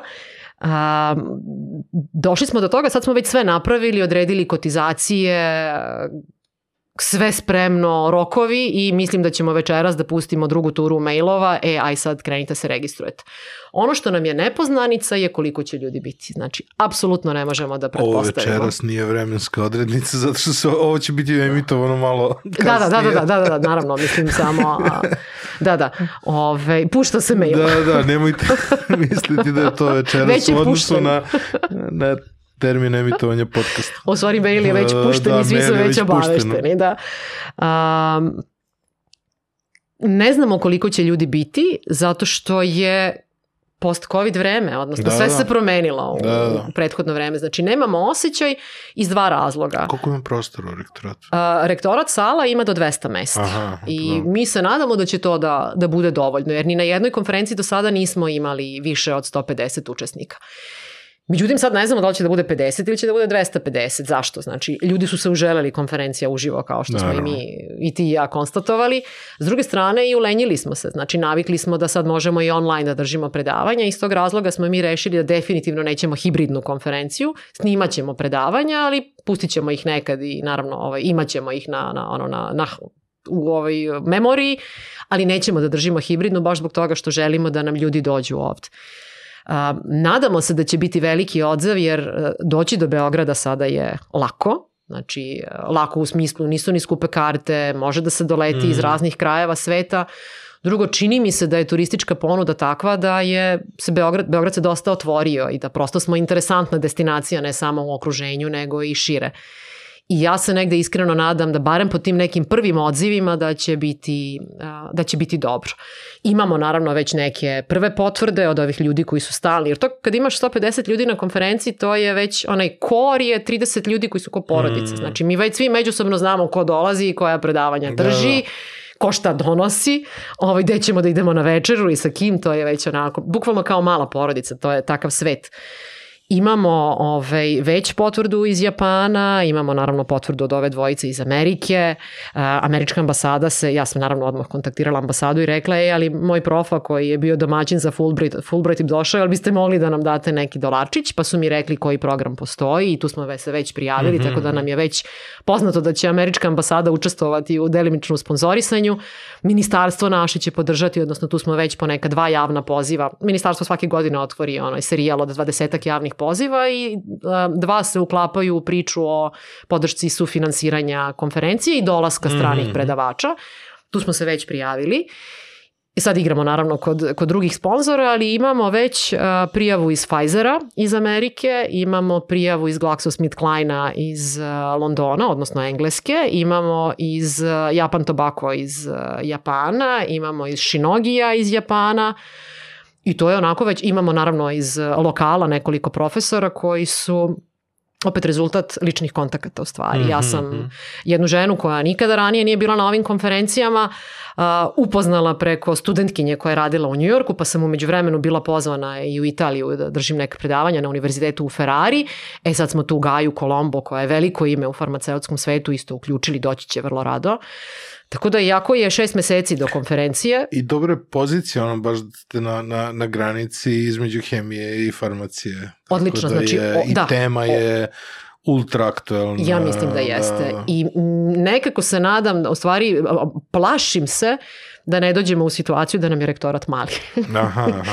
Jer sala rektorata to ima 200 mesta, Ovaj, ali vidjet ćemo, krenut ćemo sad, još kažem nismo otvorili registraciju, sad će da krene pa ćemo da vidimo kako će da ide. Oglasit ćemo, kad sam pričala sa kolegom iz Zagreba, kao, a kako si oglašavao, ne znam, u Mađarskoj, u Rumuniji, u Bugarskoj, pa kao nisam ni oglašavao. Ovaj, tako da sad, sad je malo veći tim, on je do sad radio Mhm. uglavnom sam, jesam ja bila i u organizacionom i u ovom naučnom odboru, ali je taj Zoran kolega iz Zagreba većinski kontakte radio sam. E sad ceo moj tim studenta a, imamo, to je nas sedmoro ili osmoro, sad i ne znam, šestoro u Beogradu u ekipi, svako ima neke svoje veze, svako je Mhm.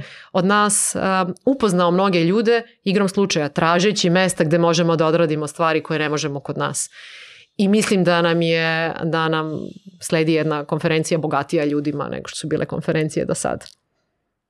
A gde je Srbija na tom nekom naučnom nebu tih velikih organizacija svetskih, generalno? U kojim domenima smo ono, dobri, Uh. da se baš onako zna, mislim.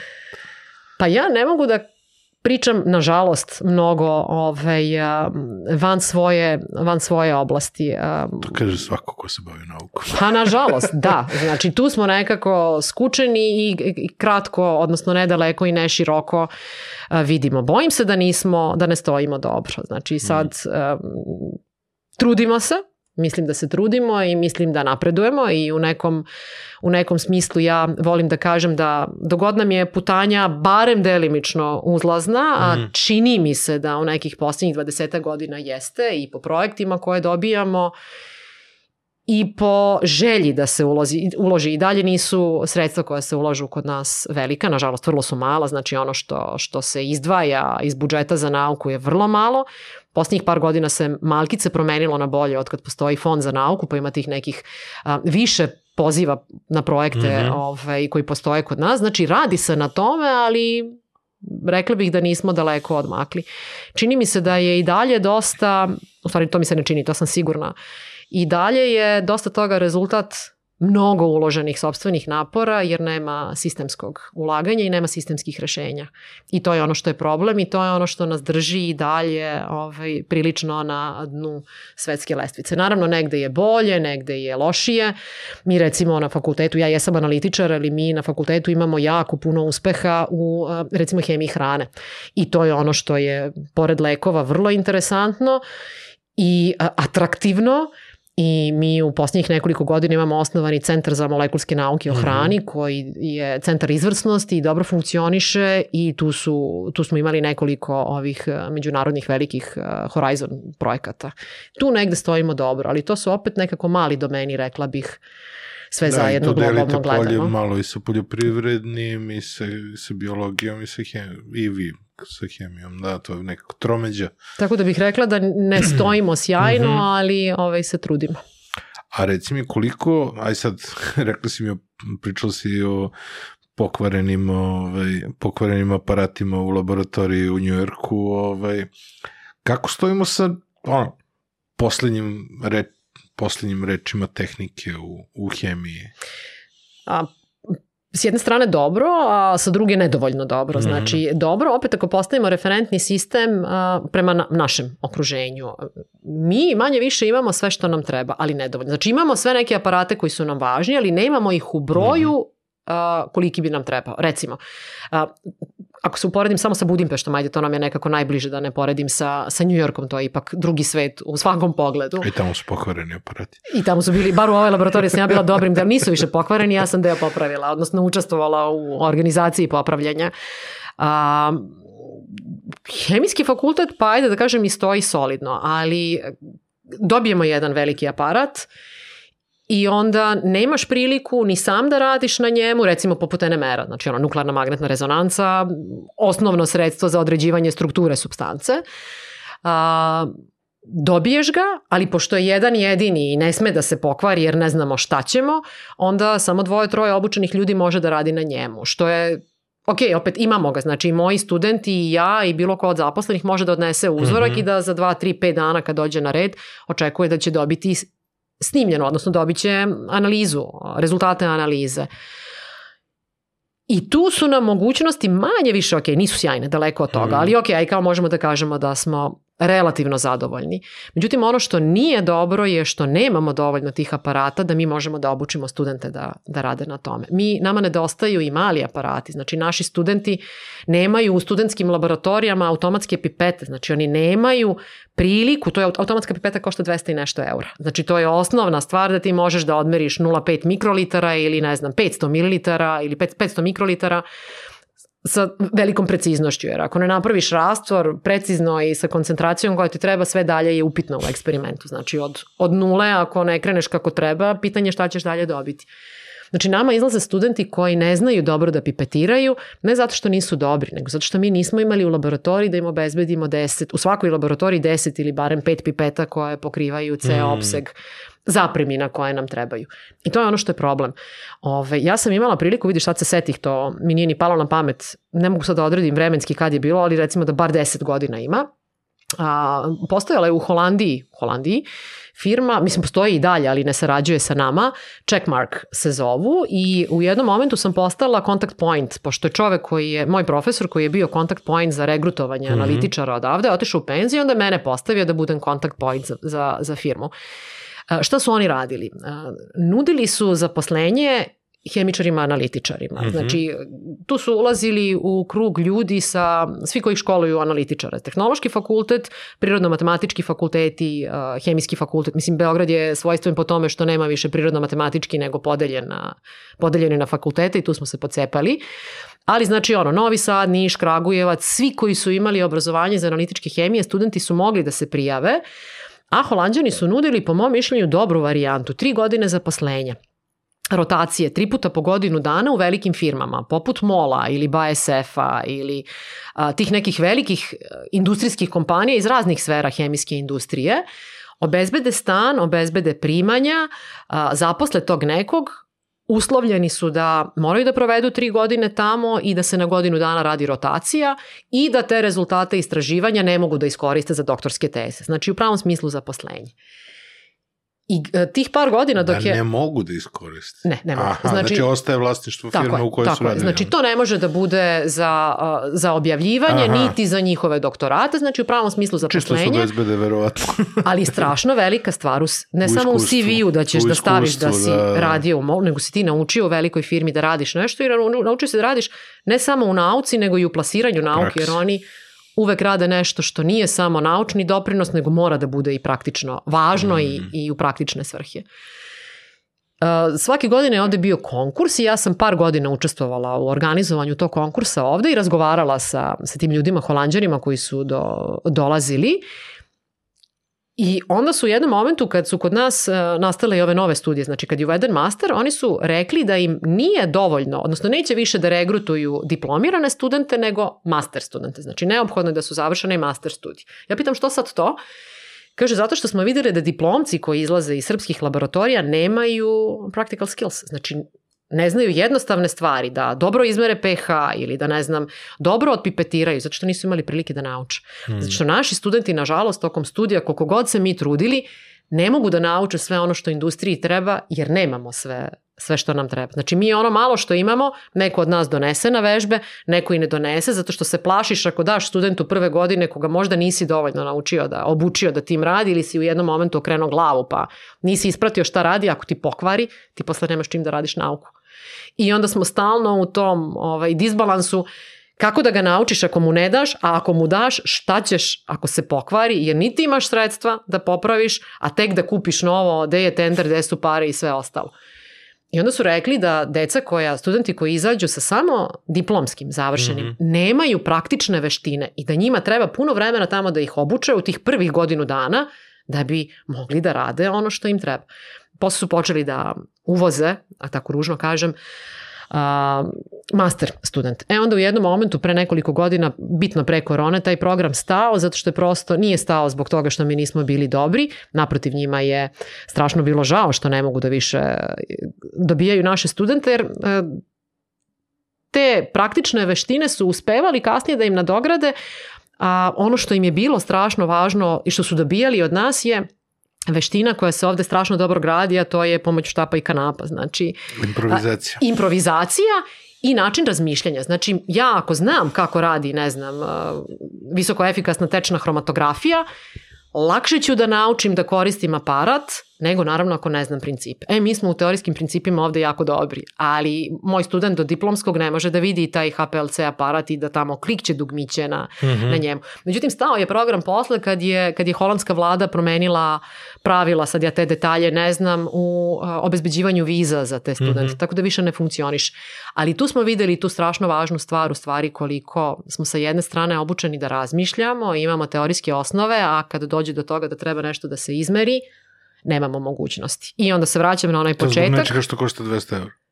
Ali ga nemamo dovoljno. Tako je. Znači čak i tih, ni, ni tih sitnih stvari. Tako da što se tiče hemijskog fakulteta, imamo većinu velikih aparata mm. koji nam trebaju, ali moramo da stanemo u red da nam neko drugi izmeri jer imamo po jedan primerak. Nekih manjih imamo teško da imamo baš, manje neko imamo i po onako po laboratorijama i tu čak dolazimo i do absurda da recimo baš tih HPLC-ova koje pominjem, aparata za hromatografska, hromatografska određivanja i odvajanja i dokazivanja, Možda imamo čak i previše i možda ih i ne koristimo, nego sam nabavila ja, nabavio si ti, umesto da nabavimo zajedno, a da naši studenti mm -hmm. rade u kombinaciji. Nekako ovaj, se trudimo da radimo planski, ali nam baš ne, ne uspe. A ono neke najnovije tehnologije sa IM i sa sintetičkim tkivima, to i da ne pitam. To su, toga je, ima, ali ne na, na fakultetima, bar ne kod nas mm -hmm. na mhm. fakultetu, a, zato što je da ono high-tech research koji mi nažalost ne možemo da finansijski da postignemo. Ne znači da nema, znači mm. na, ne znam, ja znam da na ETF-u ima takvih nekih pokušaja zato što ima, ima smer a, ovaj, biomedicinsko inženjerstvo ili kako se već naziva, ali ovaj nama kod nas nema. Ajde da tu završim. da, da ne ulazim u dublju analizu, jer ne znam. Mm. Meni je bilo zanimljivo gledao sam neke istraživanja kao koliko sad je moguće simulirati neke potpuno ono, uslove koje ne, ono, da bi ti bilo zapravo još skuplje da stvarno nabaviš celu aparaturu pa možeš celu simulaciju da, da sprovedeš kroz, kroz neki ovaj, a i u nekim drugim doduše oblastima. Reci mi, fond Nenad Kostić baš radi na tome da najbolje doktorante... Studente, studente mlađe studente, aha, osnovce, znači, na... osnovce osnovnih studija i master studija, da, odlična znači, ovaj diplom, tema. Oni izaberu teme i oni onda svoj diplomski pošli na konkurs. Prijav, tako, jeste, odlična tema i ovaj, da, da, jako mi je drago da ćemo da pričamo i o Nenadu i o fondu. A, priča Nenad Kostić, što se mene tiče, je isto umrežena sa svim ovim boravcima ranije. Nenad, je, Nenad Kostić je diplomac Beogradskog hemijskog fakulteta, 70. neke godine je otišao, znala sam sve podatke, sad sam zaboravila, 70. neke godine otišao u Ameriku i nas, tamo je isto je bio Fulbrightovac, ovaj, otišao na Fulbright i ostao, doktorirao u Americi i zaposlio se na Iowa State univerzitetu na kome sam ja posle bila, znači nisam ja slučajno bila tamo. Nenad je 2001. godine a, iz potpunog entuzijazma. Znači on je hemičar, bavi se bio-neorganskom hemijom. A, iz sobstvenog entuzijazma i želje da nešto doprinese a, u domovini mhm. studentima mm -hmm. koji rade ovde u tim godinama posle 90-ih u julu 2001. ceo svoj kurs koji je držao na Iowa State u jednom let, u letnjem semestru iz bioneorganske hemije rešio da održi na hemijskom fakultetu. Ne u četiri meseca, nego u mesec dana. Znači, neverovatna posvećenost da svoj godišnji odmor, koji je kratak, u Americi mnogo mm -hmm. kraći nego ovde, posvetiš svakodnevnim predavanjima. I ja sam na sreću bila polaznik tog kursa, znači prijavila sam se jako u tom momentu, mi nije trebalo, ja sam već, nije mi trebalo u smislu ja sam bila svršeni student, već sam bila na malo pre magistrature, znači ali sam položila ispite sa magistarskih studija i fakultet je izašao u susret a, toliko da svim studentima koji su slušali i polagali ispit kod Nenada je to priznao kao bioneorgansku hemiju koju smo mi inače imali mm -hmm. na mhm. fakultetu, ali organizovano drugačije. Tad sam upoznala Nenada, a, primetio me, znači ja sam bila jedan od najboljih polaznika tog kursa i tad smo se združili Uh, odnosno od tada se poznajemo i ja nisam neorganičar, ali uh, mi je Nenad rekao za, za profesora kolegu koji je sjajan analitičar kod koga sam posle i bila i Nenad mi je napisao preporuku i zahvaljujući tome sam ja tada u Aimsu bila kod Eda koji je bio jel, jedan od sto najcitiranijih hemičara u tom momentu. To je ono što ja svima govorim, da ako da. radiš dobro networking, pre ili kasnije dolaziš do toga da te jedan kontakt deli od svakog. Tako je, tako je. Ove, Nenad je iste te godine, uh, ili možda, ne, iste te godine, znam da sam bila na dodeli, nije 2002. nego 2001. dobio nagradu tadašnje fondacije ili kako se već zvala, da li to bila fondacija, ne znam, braća Karić. Mm. I u tom momentu nagrada je iznosila 33.000 maraka, još smo bili u markama, nismo prešli na eure. To su bile jako velike pare u tom momentu. Mislim i sada su, ovaj, da kažemo, za, za, za, za nagradu velike pare. I potpuno nesebično je rešio da celu tu sumu uloži u fond koji je osnovan 2001. godine i uh, to je fond Nenada Kostića za hemijske nauke, tako se naziva. I od 2001. godine fond funkcioniše samo sa jednim ciljem, da, da promoviše uh, hemiju u, opšte u društvu, a da promoviše hemiju, ali da nagrađuje mlade hemičare. I funkcioniše tako što nagrađuje najbolje diplomske i master, završne radove, to sad tako mm -hmm. zovemo, završni su i sa osnovnih i sa master studija. A, I evo, 22. godinu smo ponovo ovaj, raspisali konkurs. Fond funkcioniše kroz upravni odbor, potpuno je neprofitna organizacija, sve pare, odnosno sve nagrade koje se dodeljuju studentima idu iz Nenadovog džepa, pare iz fondacije su se već istrošile, Nenad ih dopunjuje samo inicijativno i svoje američke penzije. Mi koji smo u upravnom odboru radimo potpuno volonterski jer nam je onako veliki entuzijazam svih nas mm -hmm. da nagradimo i malkice olakšamo život tim studentima i tom sumom koja za naše uslove nije mala, koja dolazi kroz nagradu, reda veličine 1000 eura, a i time da ti studenti dobiju znak pažnje da je to nešto što su radili u stvari stvarno nekome važno. Uh, Fond funkcioniše, kažem, volonterski u smislu upravnog odbora, a studenti se prijavljuju samo inicijativno i tu je Nenadovo jako veliko iskustvo a, gde insistira da studenti sami sebe prijavljuju upravo zbog toga da ne bismo došli u situaciju da mentor kaže e, ti si mi bio dobar, pa tebe ću da prijavim, a ovog drugog neću. Mm. Znači, mora student da ima preporuku od nekoga, ne mora da bude mentor, odnosno treba da bude mentor, ovaj, ali se sam prijavljuje. Prijavljuje se slanjem diplomskog ili master rada. Znači, i onda upravni odbor, čiji sam ja, jel, posljednje tri godine predsedavajući, onda upravni odbor ima zadatak da proučite diplomske ili master radove, da vrednuje i naučni doprinos, i kvalitet, i uh, novosti, odnosno šta je tu novo, šta je mm -hmm. interesantno. To je osnova po kojoj se dodeljuje nagrada, ali naravno uvek gledamo i CV studenta, odnosno biografiju i da li je već imao nekih objavljenih radova, šta je sve radio osim fakulteta, znači to su sve kriterijumi koji nam na kraju izrode, odnosno daju pobednika konkursa. Kakvi su radovi? Dobri su, znači sjajni su, svi koji se prijave su sjajni i meni je strašno puno vremena oduzme to, a vremena koje inače nemamo, mm. zato što svi radimo po 300 drugih stvari, ali u stvari jako lepo kad vidiš šta se sve tu šta ti sve prođe kroz ruke i mm. kakav je entuzijazam i dalje među tim mladim ljudima i opet se vraćam na onu priču, to je ona energija koju ja stalno dobijam od, od studenta i kad vidiš iz njihovih radija, radova i to je ona energija koju smo... To je zapravo prava slika koju kasnije smo skloni da pokvarimo. Mislim, okay, možda bude neko ko neće da, da se prijavi, a da ima dobar rad ali opet ono, verujem da se prijave najbolji. E, ja mislim da se prijavljuju najbolji i um, ne treba puno za prijavu. Znači, prijava ne oduzima puno vremena, tu smo se trudili, znači pošalješ nešto što je već gotovo. Diplomski rad mora da bude odbranjen. Mm. To znači da je napisan i pošalješ, više se ne šalje u papiru, sve se šalje elektronski na moju adresu, ja sabiram sva ta dokumenta, znači treba ti CV, treba ti popunjen formular. Znači, bukvalno je 20 e, minuta za prijavu. Ove godine smo uveli jedan novitet, koji će nama komisiji da olakša, pošto je u posljednjih godina narastao broj studenta koji se prijavljuju i uspeli smo da to proširimo i na region, pa da mhm. nagrađujemo, odnosno ne raspisujemo konkurs više samo u Srbiji, nego smo u poslednjih tri godine raširili i na zemlje u okruženju. Znači, pa imamo prijavljene i iz Slovenije, iz Hrvatske, iz Crne Gore, Bosne i Hercegovine. Jedino od bivših republika SFRJ još iz Makedonije nismo imali prijavu, što ne znači da nećemo imati ove godine, jer je konkurs upravo otvoren. Ove, um, povećao se broj studenta koji se prijavljuju, znači prethodnih godina, ja sam preuzela predsedavanje, ušla sam u upravni odbor 2020, sećam se da sam bila sa štakama još, nikada neću zaboraviti kad me Nenad zvao i da uđem u upravni odbor, a onda me odmah i podstavio za predsednicu upravnog odbora. Ove, pre toga je, znači čim prethodnih... Si, čim si dobila neorganske delove tela? o, onda sam se kvalifikovala, jeste, postala sam bio neorganska. Ove, u prethodnih 19 godina najveći broj kandidata, ako sam dobro zapamtila, mislim da jesam, dobra sam sa brojevima, je bio 18. Prve godine 2021. odnosno da 21. smo imali 22, pa smo imali 28, prošle godine smo imali 39 prijavljenih. Mm. I to je wow, i, ali pa kao za nas šestoro koji to u upravnom da, odboru koji treba ne. da pregledamo. Jer diplomski radovi su na stotinjak strana, znači to nije, to nije malo.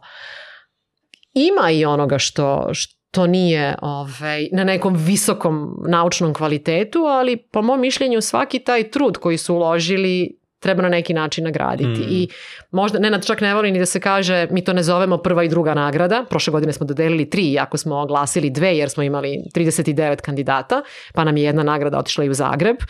Ove dve su ostale u Srbiji. Uh, a, Nenad to ne zove prva, druga i treća nagrada, nego ih imenuje po cifri. Nagrada od 1000, odnosno 1050 evra, koliko je sada i ne znam, 900, ne znam tačno cifra, ali tu su.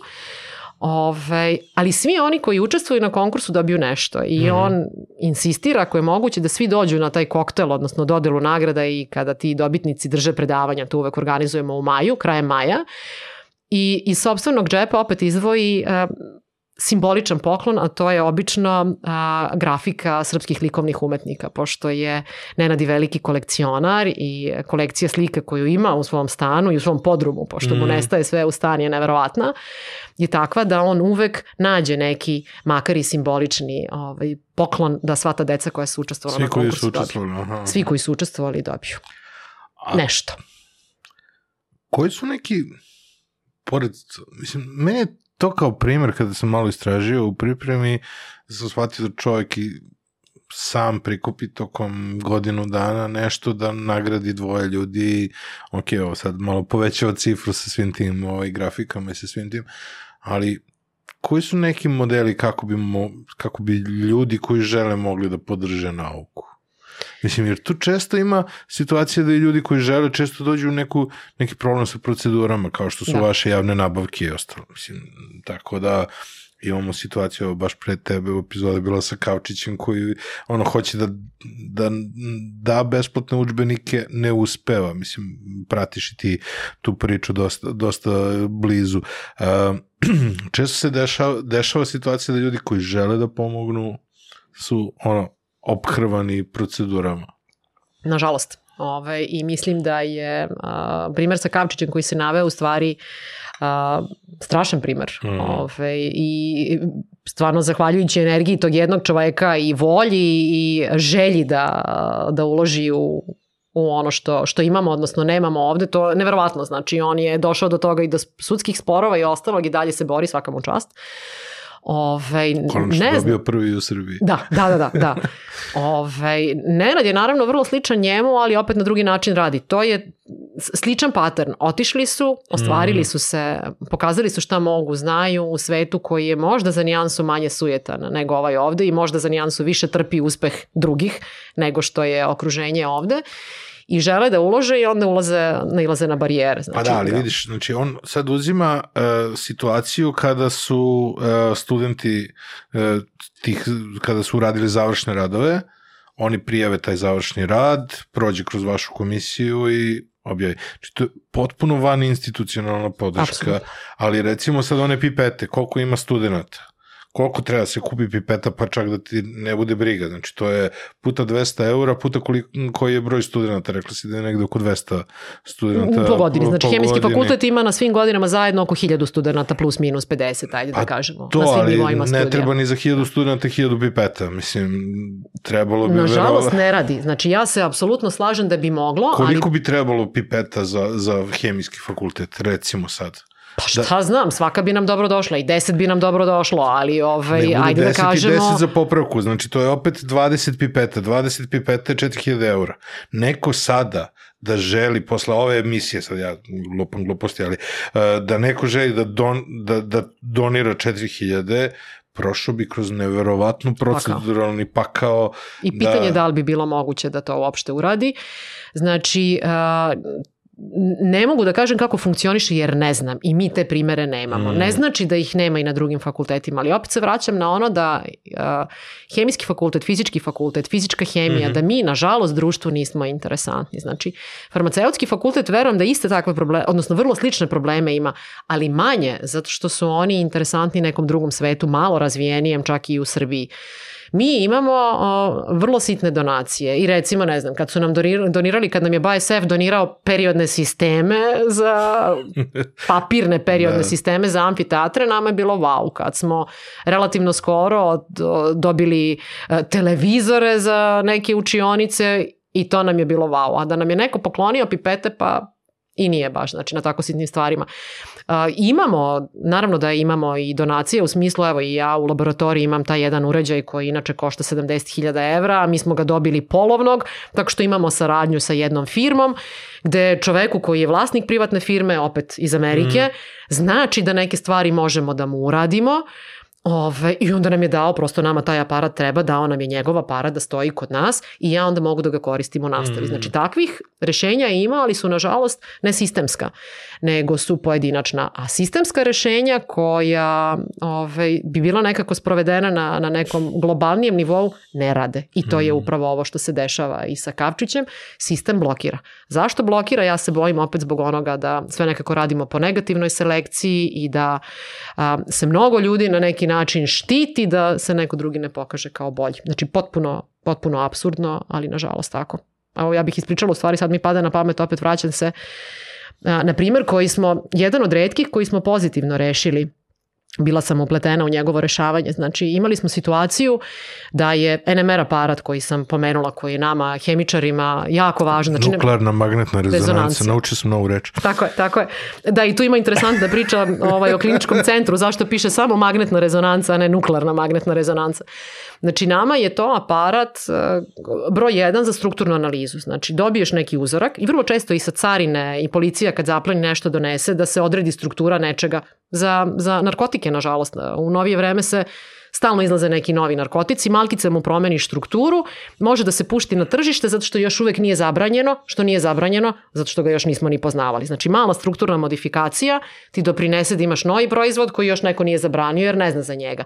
E, u takvim slučajevima ono, otkrivanje strukture u stvari je NMR. Desilo se igrom slučaja da smo čuli pre 7-8 godina za aparat koji je stigao greškom na medicinski fakultet. Znači bio je namenjen a, agenciji za borbu protiv a, u stvari kako se zove agencija za, koja barata sa narkoticima, kako god, znači za otkrivanje. Deo u Americi. E, jeste. Kod nas i, i trebalo je da bude stacioniran na hemijskom fakultetu zato što mi imamo odeljenje koje zovemo CIA, Centar za instrumentarnu analizu, da imamo obučene ljude da rade takve strukturne analize. Čija je greška bila? Znači, aparat nabavljen iz, uh, iz uh, fondova evropskih, puno košta, znači skoro milion eura je plaćen, završio je na Institutu za sudsku medicinu, gde ga 10 godina nisu pustili u rad. Prvo stigao je nekompletan i sad tu je bila i cela priča ovaj, koja je završila i nekim zatvorima, bile su naravno malverzacije oko, oko nabavke, nažalost vrlo česte priče kod nas da je aparat koji je recimo koštao pola miliona evra, plaćen milion evra, a nabavljen je kompletan. Znači aparatu od 500.000 evra je falio deo, kompresor od 10.000 evra. I ja sam igrom slučaja imala kontakte sa ljudima sa Instituta za sudsku medicinu. U momentu kad sam čula opet od kolega sa fakulteta da tamo stoji u skladište NMR koji niko ne koristi. Dolazila Evropska komisija da proveri, oni su simulirali da aparat radi, tako što su pustili demo program, Evropska komisija nisu hemičari, mm. baš tako da im je demo program pošao, znači prošao, nažalost. Uh, uđemo u tu priču igrom slučaja 2014. 15. Uh, kolege s mog fakulteta čuju za, odnosno kažu mi za aparat, u tom momentu je, je moj suprug bio ministar prosvete i mi dođemo do njega, da, odnosno pitamo ga koja je sad procedura. Medicinski fakultet i hemijski fakultet su oba delovi univerziteta u Beogradu. Imamo aparat koji stoji nekorišćen, košta pola miliona evra, u tom momentu već šest ili sedam godina malte, raspakovan je, ali nije pušten u rad jer Mm. nema krucijalni deo, sreća magnet uopšte nije podignut. Kako mi možemo da učinimo da ga izmestimo iz okvira kliničkog centra, znači 3 km dalje na studentski trg na hemijski fakultet i naiđemo na godine problema. Znači, ne može, ali kako ćemo mi sad ovamo da... Znači, ja sam išla lično, u tom momentu sam bila prodekan za nastavu, uh, išla sam lično na razgovore sa tadašnjim prodekanom, a posle prorektorom sa medicinskog fakulteta koji je bio zadužen za opremu. I u neku ruku dobra volja postoji, ali mi ne možemo papirološki. To je sad smešteno tamo i dodaljeno medicinskom fakultetu i kako ćemo mi sad da završimo papirologiju? I opet je sve završeno na gurku. Taj aparat je sad kod nas već nekoliko godina, ali zahvaljujući zalaganju i energiji jedne žene koja je sve to izgurala, shvatajući sadašnja ministarka zdravlja, um, ja sam igrom slučaja sela Danicu, ispričala joj za, pomenuli smo na nekom sastanku u Sanu, uh, situaciju da aparat na medicinskom fakultetu stoji da se ne koristi zato što tamo ne treba, a i da treba niko ne bi znao da ga koristi. Uh, direktor instituta za sudsku medicinu u tom momentu kaže e, ajde da ga koristimo, ali vi dolazite da radite ovde. To nije aparat koji može da radi od 6 do 2 kako oni rade ili od 8 do 2 kako im je već radno vreme, zato što mu treba stalna pažnja, jer ako se desi da nema stalnu pažnju, ako mu padne sistem, popravka košta malte ne više nego sam Mm. aparat. Znači ne može tako. Mora da bude u, u, ono, beba u kolevci koju neko nadzira 24 sata. Godine su trebale da ovaj, se izgura uh, u korelaciji, znači Danica je stvarno u tom momentu uh, izgurala akciju Ministarstvo prosvete, Ministarstvo zdravlja, Evropska komisija. Akcija je trajala godinama, blokade smo imali sa svih mogućih strana. Zašto? Znači, manji je problem bio da aparat stoji nekorišćen, nego da se ispostavi da je neko u smeštanju aparata napravio grešku Da. i da ga nije kupio kompletnog. Jedna priča rešena pozitivno. Taj aparat je došao kod nas recimo dve, tri godine. Čitava akcija je bila, znači 50.000 evra je trebalo uložiti i uložili su je po pola Ministarstvo zdravlja i Ministarstvo prosvete. Uspeli smo da objasnimo koliko je važno. Uložili su je jer samo premeštanje aparata, takav je magnet, je veliki i moćan, je posebna procedura. Mhm. Znači dolazila je čitava ekipa stranaca iz firme koja je pravila aparat, čiji je aparat da prebaci. Znači pa posebne dizalice, pa je akcija ubacivanja na hemijski fakultet bila ovaj, opsežna, ali smo uspeli da isteramo jednu absurdnu situaciju smo posle 10 godina rešili. Koliko absurdnih situacija ima, ja mislim da mi ni ne znamo, zato što nažalost još uvek ne postoji nešto što je postojala ideja da se napravi, a to je roadmap, odnosno mreža, roadmap za, u nauci, mreža Mhm. aparata koji postoje.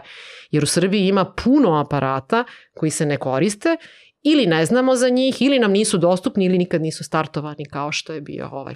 Eto recimo laboratorija u Batajnici. Ili pa. su duplirani, ili da. Zato što ne postoji sistem i ne postoji ni želja, ni, odnosno želja verovatno u naučnom Mhm. svetu postoji, ali naučni svet nažalost ne završava ta posla. Ne postoji sistemsko rešenje koje bi prvo napravilo plan, daj da vidimo šta treba i gde da stoji i na koji način može da bude dostupno svima nama da ga koristimo. Pa makar i stali u red 5 dana da čekamo, ali ako ja mogu da odnesem svoj uzorak da mi neko snimi, pa što da ne.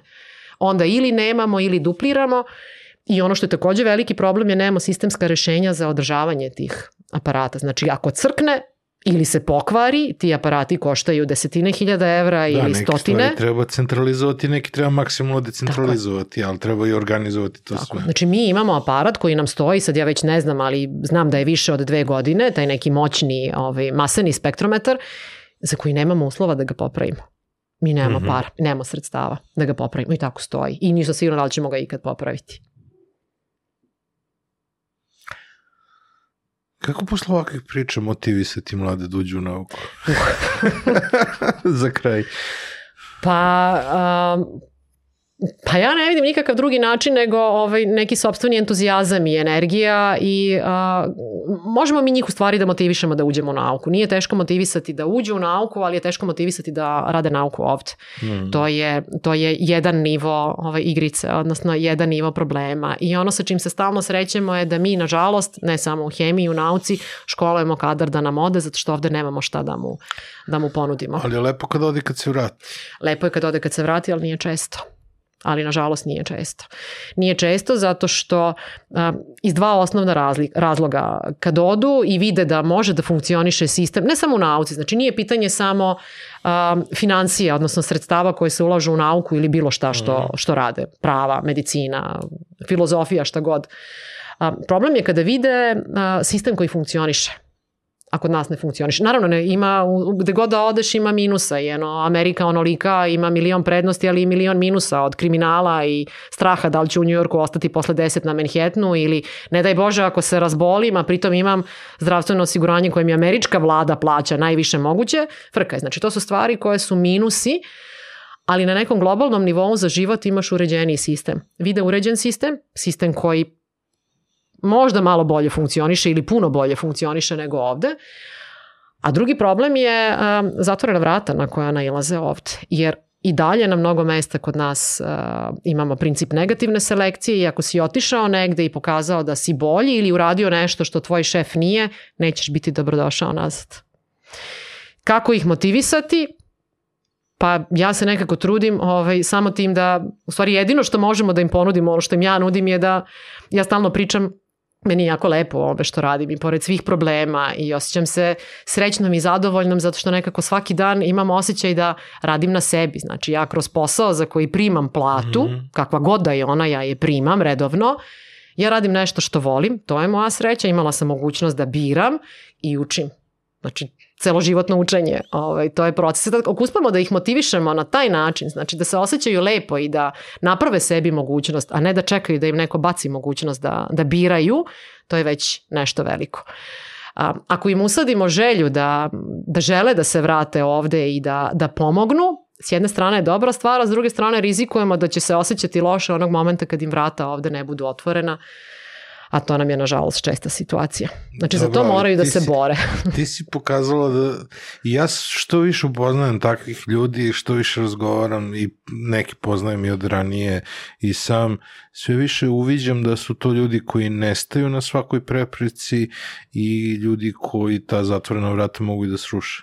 Da, ali je, jeste, znači ja sam imala stvarno mnogo zatvorenih vrata Uh, od sitnih stvari, uh, da ne možeš da odneseš na NMR koji stalno pominjem, ne možeš da odneseš zato što ne treba da ti taj neko drugi snima, nego nosi u drugu firmu, znači od absurdnih, ja ne mogu da shvatim i dan danas, posle 20 godina neke stvari koje su mi se dešavale dok sam bila tek početnik u radu, znači posle završenog fakulteta, uh, do toga da dođeš u situaciju da ti neko kao mladom asistentu kaže kako treba na veću da glasaš, a ti se oglušiš u to, pa onda budeš izbačen sa projekta zato što nisi glasao kako ti je šef rekao i kroz to sam prošla. Um, nisu svi spremni da se nose sa tim. Ja sam se nosila, valjda zato što takva jesam i ono na što mogu da kažem da sam ponosna je da sam u mnogim tim stvarima leđa koja nisam imala, nikad nisam imala nikakvu zaštitu, uh, u smislu podrške ili da mi je neko nešto dao, izborila sam se i od laboratorije u kojoj sam bila sama, došla sam do laboratorije u kojoj ne može da stanu studenti, znači ima nas, sada ne, ne mogu da nabrojim, desetak, dvanaest. Uh, I ja stalno kažem studentima da se vredi boriti, iako ponekad se zapitam i sama jel se stvarno vredi, koliko energije treba da, da potrošim. Hvala Bogu, zdrava sam još uvek, ali se stvarno ponekad pitam dokle ću biti zdrava, jer ne možeš, evo ja ću blizu 50 godina, a ovaj, dešava mi se da spavam noću po 3-4 sata, zato što prosto nema vremena dalje za spavanje. Zdrava jesam, a hoću li narednih 5 godina ako živim ovim tempom i pod ovim stresovima i pod, mm. u situacijama gde su ti stalno neka vrata zatvorena, da ćeš ostati zdrav. Ovaj, ali onda opet ista priča koja se ja lično stalno vraćam, a to su studenti. Znači, i meni je jako drago kad vidim da oni za koje ja radim, a to jesu studenti, to prepoznaju. I evo i recimo jedna lepa stvar koja mi se desila juče, nova je potpuno, koja obraduje i sad mi ulila energiju za narednih bar 10 dana rada, sigurno i za više. A, kad dobiješ reply pa te pozovu kao što su, ne znam, prošle godine ti si video taj intervju, zvali su me za neki lokalni, naš lokalni fakultetski časopis da naprave intervju sa mnom, zato što je njima važno da je njihov profesor dobio Fulbrighta i da je bio tamo negdje i da može da se vrati da im ispriča nešto novo. To je super. Pa su me zvali, e, studentkinje su me zvale 14. februara da imali su anketu za Global Women's Breakfast. A, napravili su anketu među studentima koje bi tri profesorke omiljene hteli studenti da vide. Pa su mene izglasali. Znači to je nešto što ti daje energije za wow. Pa sam mm -hmm. bila i tamo. Pa evo i ovo što si me ti zvao meni super znači. Ali juče dođe mi studentkinja koje pritom ne predajem, znači ona je na studijskom programu koji, ove, kome ja ne predajem ništa, iako predajem šest različitih predmeta I kaže, profesorka, mi ponovo pravimo festival, znate da ponovo je zaživeo festival nauke, rekao, znam, znam, znate da sad ide u maju, nije u decembru, valjda je poslednji bio 2019. u decembru i naši studenti tu uvek bili super aktivni. Znači imamo stvarno sjajan volonterski centar i parlament funkcioniše super i mislim da delimično i zahvaljujući tome što smo mali fakulteta mm. i što smo eksperimentalni imamo, ja bih rekla, sjajan odnos sa studentima. Ne znam da li baš i studenti tako misle, ali s moje tačke gledište dobar odnos. To uvek bolje kad, manje, kad su manje grupe. Jeste. I drugo, stalno su na fakultetu svetu, ta deca su pa ceo dan tamo, znači upućeni smo jedni na drugi jer ima puno eksperimentalnog rada. Ove, I kaže, znate, mi ćemo imati postavku ovakvu i onakvu. Ja sam par godina i bila uključena u organizaciju festivala nauke sa fakulteta kao prodekan. I sad, pošto slavimo ove godine godinu Sime Lozanića, oni su rešili da naprave sobu Sime Lozanića i došli su na ideju da na panou, na bini gde će biti hemijski fakultet predstavljen, uh, bude fotografija Sime Lozanića iz laboratorije sa ovaj, uh, univerziteta gde je ako ja dobro prebrojah, osim Sime još 25, 26 što kolega, što studenta. I kaže mi hoćemo da postavimo tu sliku da, da bude velika, velika. Ali smo hteli da napravimo paralelu sa današnjim svetom i hoćemo sliku, fotografiju da podelimo po dijagonali i da jedna polovina bude Simina laboratorija i njegovi saradnici, a druga da bude neki profesor sa našeg fakulteta i mi smo hteli da to budete vi. pa vi imate puno studenta i stvarno i onda se, ovaj, onda se rastupiš u stvari, to je u neku ruku sitna stvar, ali i nije sitna kad je postaviš u referentni sistem koji, koji važi ovde. Znači, meni je ulepšalo dan, ulepšalo je mojim studentima iz laboratorije, a ima ih sad i onih koji su doktorirali, i onih koji rade doktorate, i diplomske mastere, mislim da nas je 13 ukupno, što je super. Ove, svima je ulepšalo dan zato što su nas baš došli da pitaju da mi budemo na toj fotografiji sa Simom u drugoj polovini. E to čini, meni to čini, meni to daje energiju. Obično počinjem podcast šta ima novo lepo, ti si ga i završila. Završila, pa da, na početku se nisam lepo. snašla, da, da to sam da. zaboravila da. na početku. Hvala ti puno. Hvala tebi na pozivu. Hvala vam što ste gledali još jednu epizodu, još podcast 1. Ovo je bio moj razgovor sa Tanjom Verbić. Nadam se da ste uživali. Ostavite nam neki share, like, subscribe. Hvala vam što ste uz nas. Hvala našim sponsorima, to su Beans Kafa uz koju sam razgovarao sa Tanjom to je Skandinavian Design Center u čim smo stolicama sedeli. To je bilo to za ovu epizodu. Vidimo se i slušamo se sledećeg četvrtka. Ćao, čao. Bye, bye.